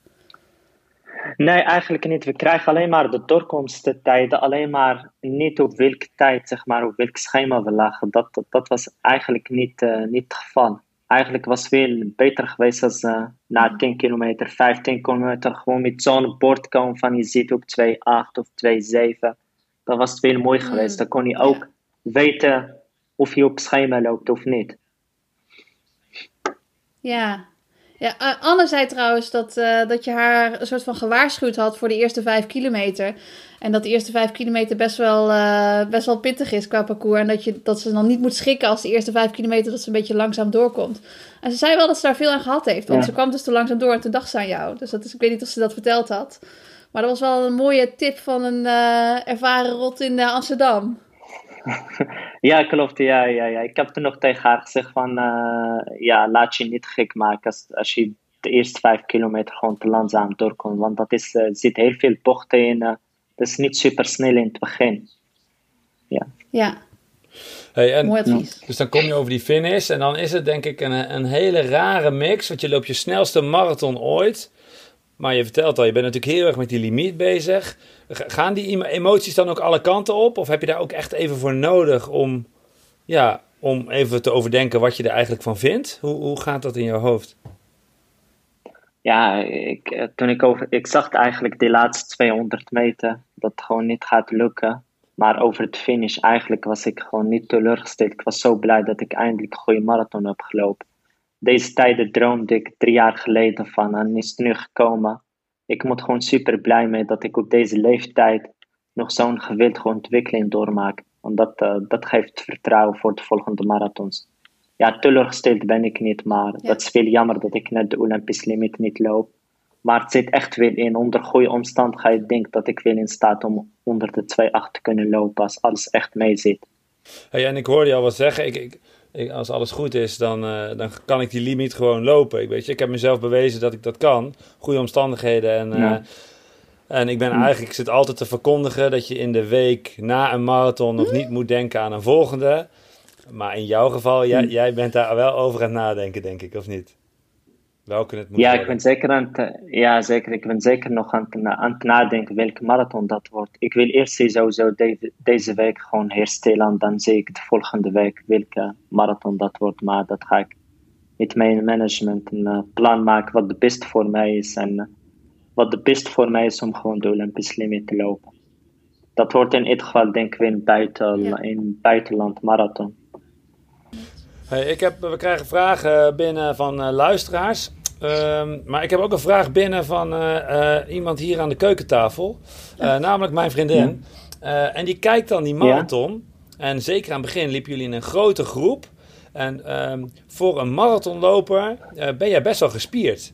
Um, je, je, bent een, kracht, een krachtige loper. Is, is dat gewoon bouw? Ja. Of doe jij ook best veel krachttraining? Hoe kun je daar iets over vertellen? Ja, ik doe echt heel veel aan krachttraining. Ik doe bijna twee keer, drie keer in de week aan krachttraining. Ja, ja, echt. Ja. Ja. En ook voor je bovenlichaam en alles gewoon uh, de... Ja, ja, ja. Ja, ook mijn bovenlichaam, ja. Ja, ja, sorry. Ik, ik bedoel, als je kijkt naar Noord-Afrikaan, die zijn allemaal zo opgebouwd gewoon. Niet zoals Afrikaan, die zijn echt dun, maar zijn meer echt echt gewoon wat fysiek sterker als je kijkt naar heel veel Marokkaanse atleten. Ook op de marathon. Mm -hmm. Ja, en misschien, want je hebt vroeger ook heel veel aan kickboksen gedaan, toch? Dat is natuurlijk al jaren geleden. Maar komt dat ook nog, de, de, het belang van krachttraining daar ook nog, uh, is dat door jouw geschiedenis nog extra belangrijk ook, of niet? Ja, ik denk het ook, ja, ja. Ja, en denk je dat je door, door zeg maar die, doordat je sterk bent, denk je dat je dan um, efficiënter loopt? Of denk je dat het blessurepreventie is? Of is het eigenlijk vooral zo dat de vriendin van Imo denkt dat je heel gespierd bent? Voor het strand. Ik weet niet hoe ik dit... ja, het zijn heel moeilijke vragen, maar ik weet niet hoe ik dat moet uitleggen. Maar ik loop al jaren zo. Ja. Ja. Als je kijkt nee, maar in mijn het, tijd zeg maar dat je sterker bent, dat, dat helpt je lopen natuurlijk. Ja, ja, natuurlijk. Want zo'n marathon moet je sterk zijn. Je moet wel een kracht doen, ja. anders uh, kom je na 30 kilometer, ja, dan uh, is je basis als krachtloper, ja, dan kan je de marathon niet uitlopen. Ja, ik zie heel veel atleten die gewoon minder aan kracht doen, maar marathon moet je dit echt wel doen, om die marathon te kunnen lopen op topniveau. Ja, maar ik denk ook dat veel lopers die langer, voor langere afstanden trainen, dat ze op een gegeven moment zo moe, moe worden van alle kilometers, dat ze dan, nou ja, zoiets een beetje verwaarlozen. Um, en, en heel vaak ook wel een soort van mee wegkomen. Maar dat ze misschien dan uiteindelijk niet het maximale eruit halen. Ik vind dat wel knap. Want hoeveel kilometers in zo'n uh, in zo'n opbouw loop je dan per week? Dat je, dat je daarnaast nog de energie hebt om ook nog twee keer per week krachttraining te doen. Ja, kijk, ik ben niet iemand die heel veel kilometers maakt. Ik maak tussen de 180 en 190 gemiddeld. Soms 200. Dat zijn echt mijn uh, langste kilometer in de week. Want dan ga ik weer naar 160, 170. Ik blijf niet constant in die week van 200. Wat heel veel atleten maken 250, 260. Natuurlijk, dan snap ik ook dat je geen tijd hebt om, om krachttraining te doen. En dat je ook niet de energie hebt om in de kracht ook nog zo'n zware gewichten ja, te doen. Ja, dat snap ik ook. Maar ik doe het anders. Ik heb het al jaren zo gedaan. En ik vind krachttraining dat dat echt bij de marathon hoort. Wat heel veel atleten jammer niet doen. Ja, ik vind zo 180, 190 vind ik nog steeds best wel veel kilometers. Denk de meeste mensen nog wel. Maar jij, jij zegt dus eigenlijk dat, je, dat je dus ook niet constant evenveel kilometers loopt. Dus dat het een beetje op en af gaat. Ja, soms ga ik weer naar, zelfs naar 150. Ja, dus ik ben niet iemand die heel veel kilometers maakt. Hey, en op weg nu naar jouw uh, volgende poging, uh, wat die ook gaat worden, zijn er dan nog dingen die jij gaat toevoegen of gaat veranderen? Of ga je gewoon precies hetzelfde doen en weet je dan als de omstandigheden hetzelfde zijn, ga ik het lopen? Of zijn er wel dingen die je wil veranderen? Ja, ik had het, wel, uh, ja, ik had het gisteren wel over gehad met, met mijn management, met Dave Klink, dat we misschien als ik de limietpoging doe, dat ik misschien iets harder doorkom dan, dan zondag dan moet ik ongeveer 1,345 doorkomen. Zeg maar om onder die schema te lopen. Dat is het enige wat ik wil veranderen. Dus niet, uh, want Amsterdam kwam ik toch net iets te langzaam. 1,420 door. Ja, dan zit je net boven de limiet. Je moet eigenlijk al vanaf het begin 30 seconden of 40 seconden onder de Olympische limiet. Uh, zeg maar om, uh, ja. om die tweede gedeelte. Stel je, ja, je loopt een slechte tweede gedeelte, alsnog ja, kan je het net halen. Maar zoals in Amsterdam ging het toch net, net, net in het begin wat langzamer. Dus daar wil ik iets aan gaan veranderen. Dus gewoon keihard lopen de eerste halve. Ja, gewoon keihard. Ja, Mooi Ja. ja, het is natuurlijk heel moeilijk om te versnellen, dus ik snap dat wel. Dat is, uh, ja, dat is moeilijk, want als je, ja, als je kijkt, ik, ik liep heel stabiel. Ik liep de eerste half in 1, uh, 8, uh, volgens mij 1, 4, 18, 1, 4, 20 en die tweede in 1, 4, 16. Dus maar twee seconden eigenlijk. Dus heel stabiel heb ik gelopen. Ja. Dus, en, en in je voorbereiding zelf, zijn er daar dingen die je anders zou willen doen of, of, of anders wil aanpakken? Nee, eigenlijk niet. Alles doe ik goed. En zeker deze voorbereiding die ik gehad heb, heb ik eigenlijk geen fout gemaakt. Dus ik heb alles op hartslag gedaan, uh, goede training op de baan gedaan, heuvelstraining, krachttraining, lange duurlopen. Dus dat blijft gewoon hetzelfde. Wat, wat er gaat wel veranderen is gewoon die doorkomst. De eerste halfmarathon moet echt, echt veel sneller gaan dan in Amsterdam. Hey, dan nog een belangrijke vraag, uh, Galit. Als je dan die limiet uh, loopt, hè, hoe, hoe ga jij dat vieren? Hoe ziet zo'n avond er na de, de Olympische limiet uh, uit bij uh, Galit? Ja, dan, uh, dan ben ik echt een, een van de gelukkigste mensen op aarde. Dan maak ik de tweede spelen in mijn carrière. Dat zou echt geweldig zijn. Ja, dan vier ik het met mijn familie natuurlijk. En ja, maar... Ja. Ja, ik hoop dat het echt weer komt, weet je. Dat ik gewoon die kans heb en dat ik uh, weer zo'n topmarathon kan, uh, kan lopen. Het blijft een marathon, weet je. Ik kan niet zeggen, oh iedereen zegt van Khalid, de volgende keer loop je het makkelijk. Maar zo gaat het niet in de topsport. Ja, ik bedoel, het hangt toch het af van de vorm van de dag, de omstandigheden. Je, weet zelf, Suzanne, als topsporter, hoe moeilijk is dat om telkens je niveau te halen. Ja, er moet heel veel goed gaan. Ja, het moet alles goed gaan. Trainingen moet goed gaan. je moet niet ziek zijn. Ja, geen niet geblesseerd raken. Mm goede voorbereiding. Het gaat niet altijd zo. Het blijft een marathon. Het blijft echt een uh, ja, onmenselijk afstand, zeg ik dat. ja, goed dat jij het zegt. jij doet het namelijk. ja, ja, tuurlijk. Ja. Ik denk elke atleet die je vraagt, ja, die zegt gewoon onmenselijke afstand, 42 kilometer. ja. Ik weet niet of we gemaakt zijn om marathon te lopen, maar toch ja, mens kan echt veel hebben. Dus, uh. we zijn zeker niet gemaakt voor de marathon, maar het is wel echt fantastisch, uh, een fantastische afstand. En, uh, en wat jij hebt laten zien, Galet, is, is, is fantastisch. Ik, ik, wil je bedanken voor, voor je tijd en voor je, voor je marathon. En, en we gaan je volgen op weg naar nou, hopelijk nog veel meer moois. Ja, naar het volgende. Ja, en ik hoop dat nu weer lukt de Olympisch limit. Maar eerst even herstellen. Ja, eerst even herstellen, ja. Oké, heel veel succes. We gaan het in de gaten houden. Oké, bedankt. Bedankt hè. Dankjewel jongen. nou Suus, dat waren twee, eh, twee mooie verhalen. Een kleine disclaimer denk ik bij Geliet, dat die had eh, aan het eind wat vertraging in de lijn. Ja, Maar ehm was, was, iets, was iets uitdagender. iets uitdagender. maar ehm, wel, eh, de, de, is wel prachtig hè, die marathon. Ja, ik vind het mooi. Heel veel verschillende verhalen. Eh, natuurlijk atleten die dan hun doel halen en dan helemaal euforisch zijn. En dan iemand als Galit die dan wel een doel haalt, maar niet het ultieme doel. En toch weer zoveel motivatie heeft om, om er weer voor te gaan. Ik ben heel erg benieuwd waar hij dat gaat doen trouwens. Ja, nou, dat gaan we, gaan we zeker horen. En ik vind Ja. het ook wel mooi dat... ehm, kijk, je, je hebt natuurlijk nu... Oh, Galit heeft zoveel ehm, eh, bevestiging gekregen dat het mogelijk is. Ik bedoel, Ja, Maar dat je, dat je toch eh, zegt van... Ja, weet je, het, het blijft gewoon die marathon. Weet je, je kan nu wel roepen, ja, ik ga het doen. Maar ja, het moet het gewoon eerst, eerst doen. En dat is... eh, ja, dat is precies hoe het is. ja, dat is precies hoe het is. Dat klopt. Ja. Ja, inderdaad. Dus je krijgt niet zoveel kansen. Dus het is... nou goed, hij is op de goede weg in ieder geval. Dus ik ben heel erg benieuwd. Ja. Ja, ja. Oké, nou, zo zijn we aan het eind gekomen van de 19e aflevering van Naar de Vaantjes. Dank aan onze gasten Anne en Galiet. En dank aan alle luisteraars voor het luisteren. Ook namens Suzanne. Blijf luisteren en lopen. Hoi. Ik zeg dat nu dus aan de telefoon trouwens. hè. Hoi, hoi. Ja. Ik heb je geïn- geïnfluenced. Ja, je bent such een influ influencer.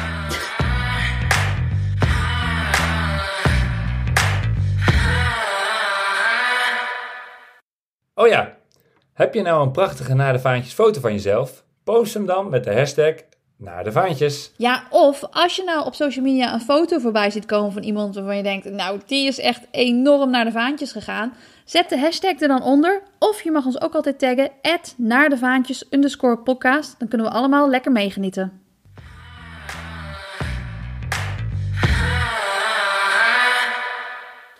En weet je wat, wat ik ook altijd doe trouwens? Nou, Eh, dan heb ik gejat van Olivier. ja. Ehm, nou ja, ik niet. Maar dan zegt mijn zoontje, die zegt dan eh, een woord. En die, die moet ik dan stiekem zeggen in de aflevering. Eh, dat Oh weet- ja? Dat weet jij niet en, en het lukt ook niet altijd.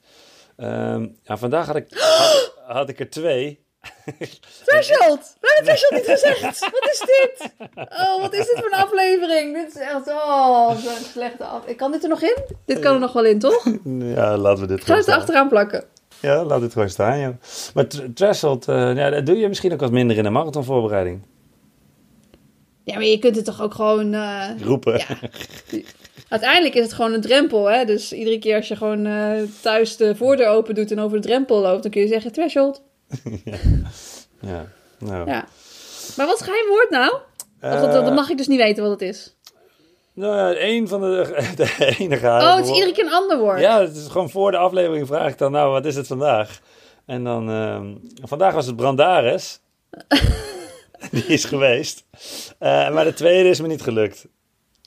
Nee, dat was echt onmogelijk. Wat is het Eh, tweede? Mr. Beast. Dat is schijnbaar een, een of andere YouTuber. Maar die, Ja. die, oh, die ken jij. Ja, die ik. krijg je er toch niet in.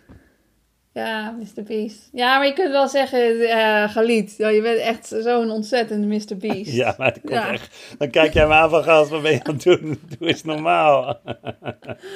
Het geheime woord. Dus Ik heb het idee dat we iets met luisteraars kunnen doen met het geheime woord. Dat ze dan, eh, dat we... Dat Het insturen of zo. Ja, een woord insturen. Maar dat dan heel belachelijk is, maar dat het dan wel heel leuk is als we het erin weten te verwerken. Ja, vind ik goed. En als je dan de volgende aflevering zegt, wat het geheime woord was van de aflevering ervoor. Dus mensen denken, oh ja, daarom zei hij opeens Mr. Beast. Dat was echt zo raar. Ja, nou, Ja, eh, maar goed, zijn, eh, we zitten al aflevering 19, dus er zijn al heel veel geheime, wo- geheime woorden voorbij gekomen. Oh, echt iedere aflevering. Ja, iedere aflevering. Ja, Oh, laat even weten wat ze allemaal zijn. Dat is wel leuk. Kunnen mensen ze gaan zoeken? ja nee, ja, poeh, dat, moet ik, eh, dat schrijf ik niet ergens op of zo. Oh, oké. Nou, eh, als, mooie suggesties zijn altijd welkom. Ja. En threshold is eh, niet... eh, Nee, is geen leuke suggestie. Oké dan. Hey, eh, fijne dag. ja, de ballen. Hoi.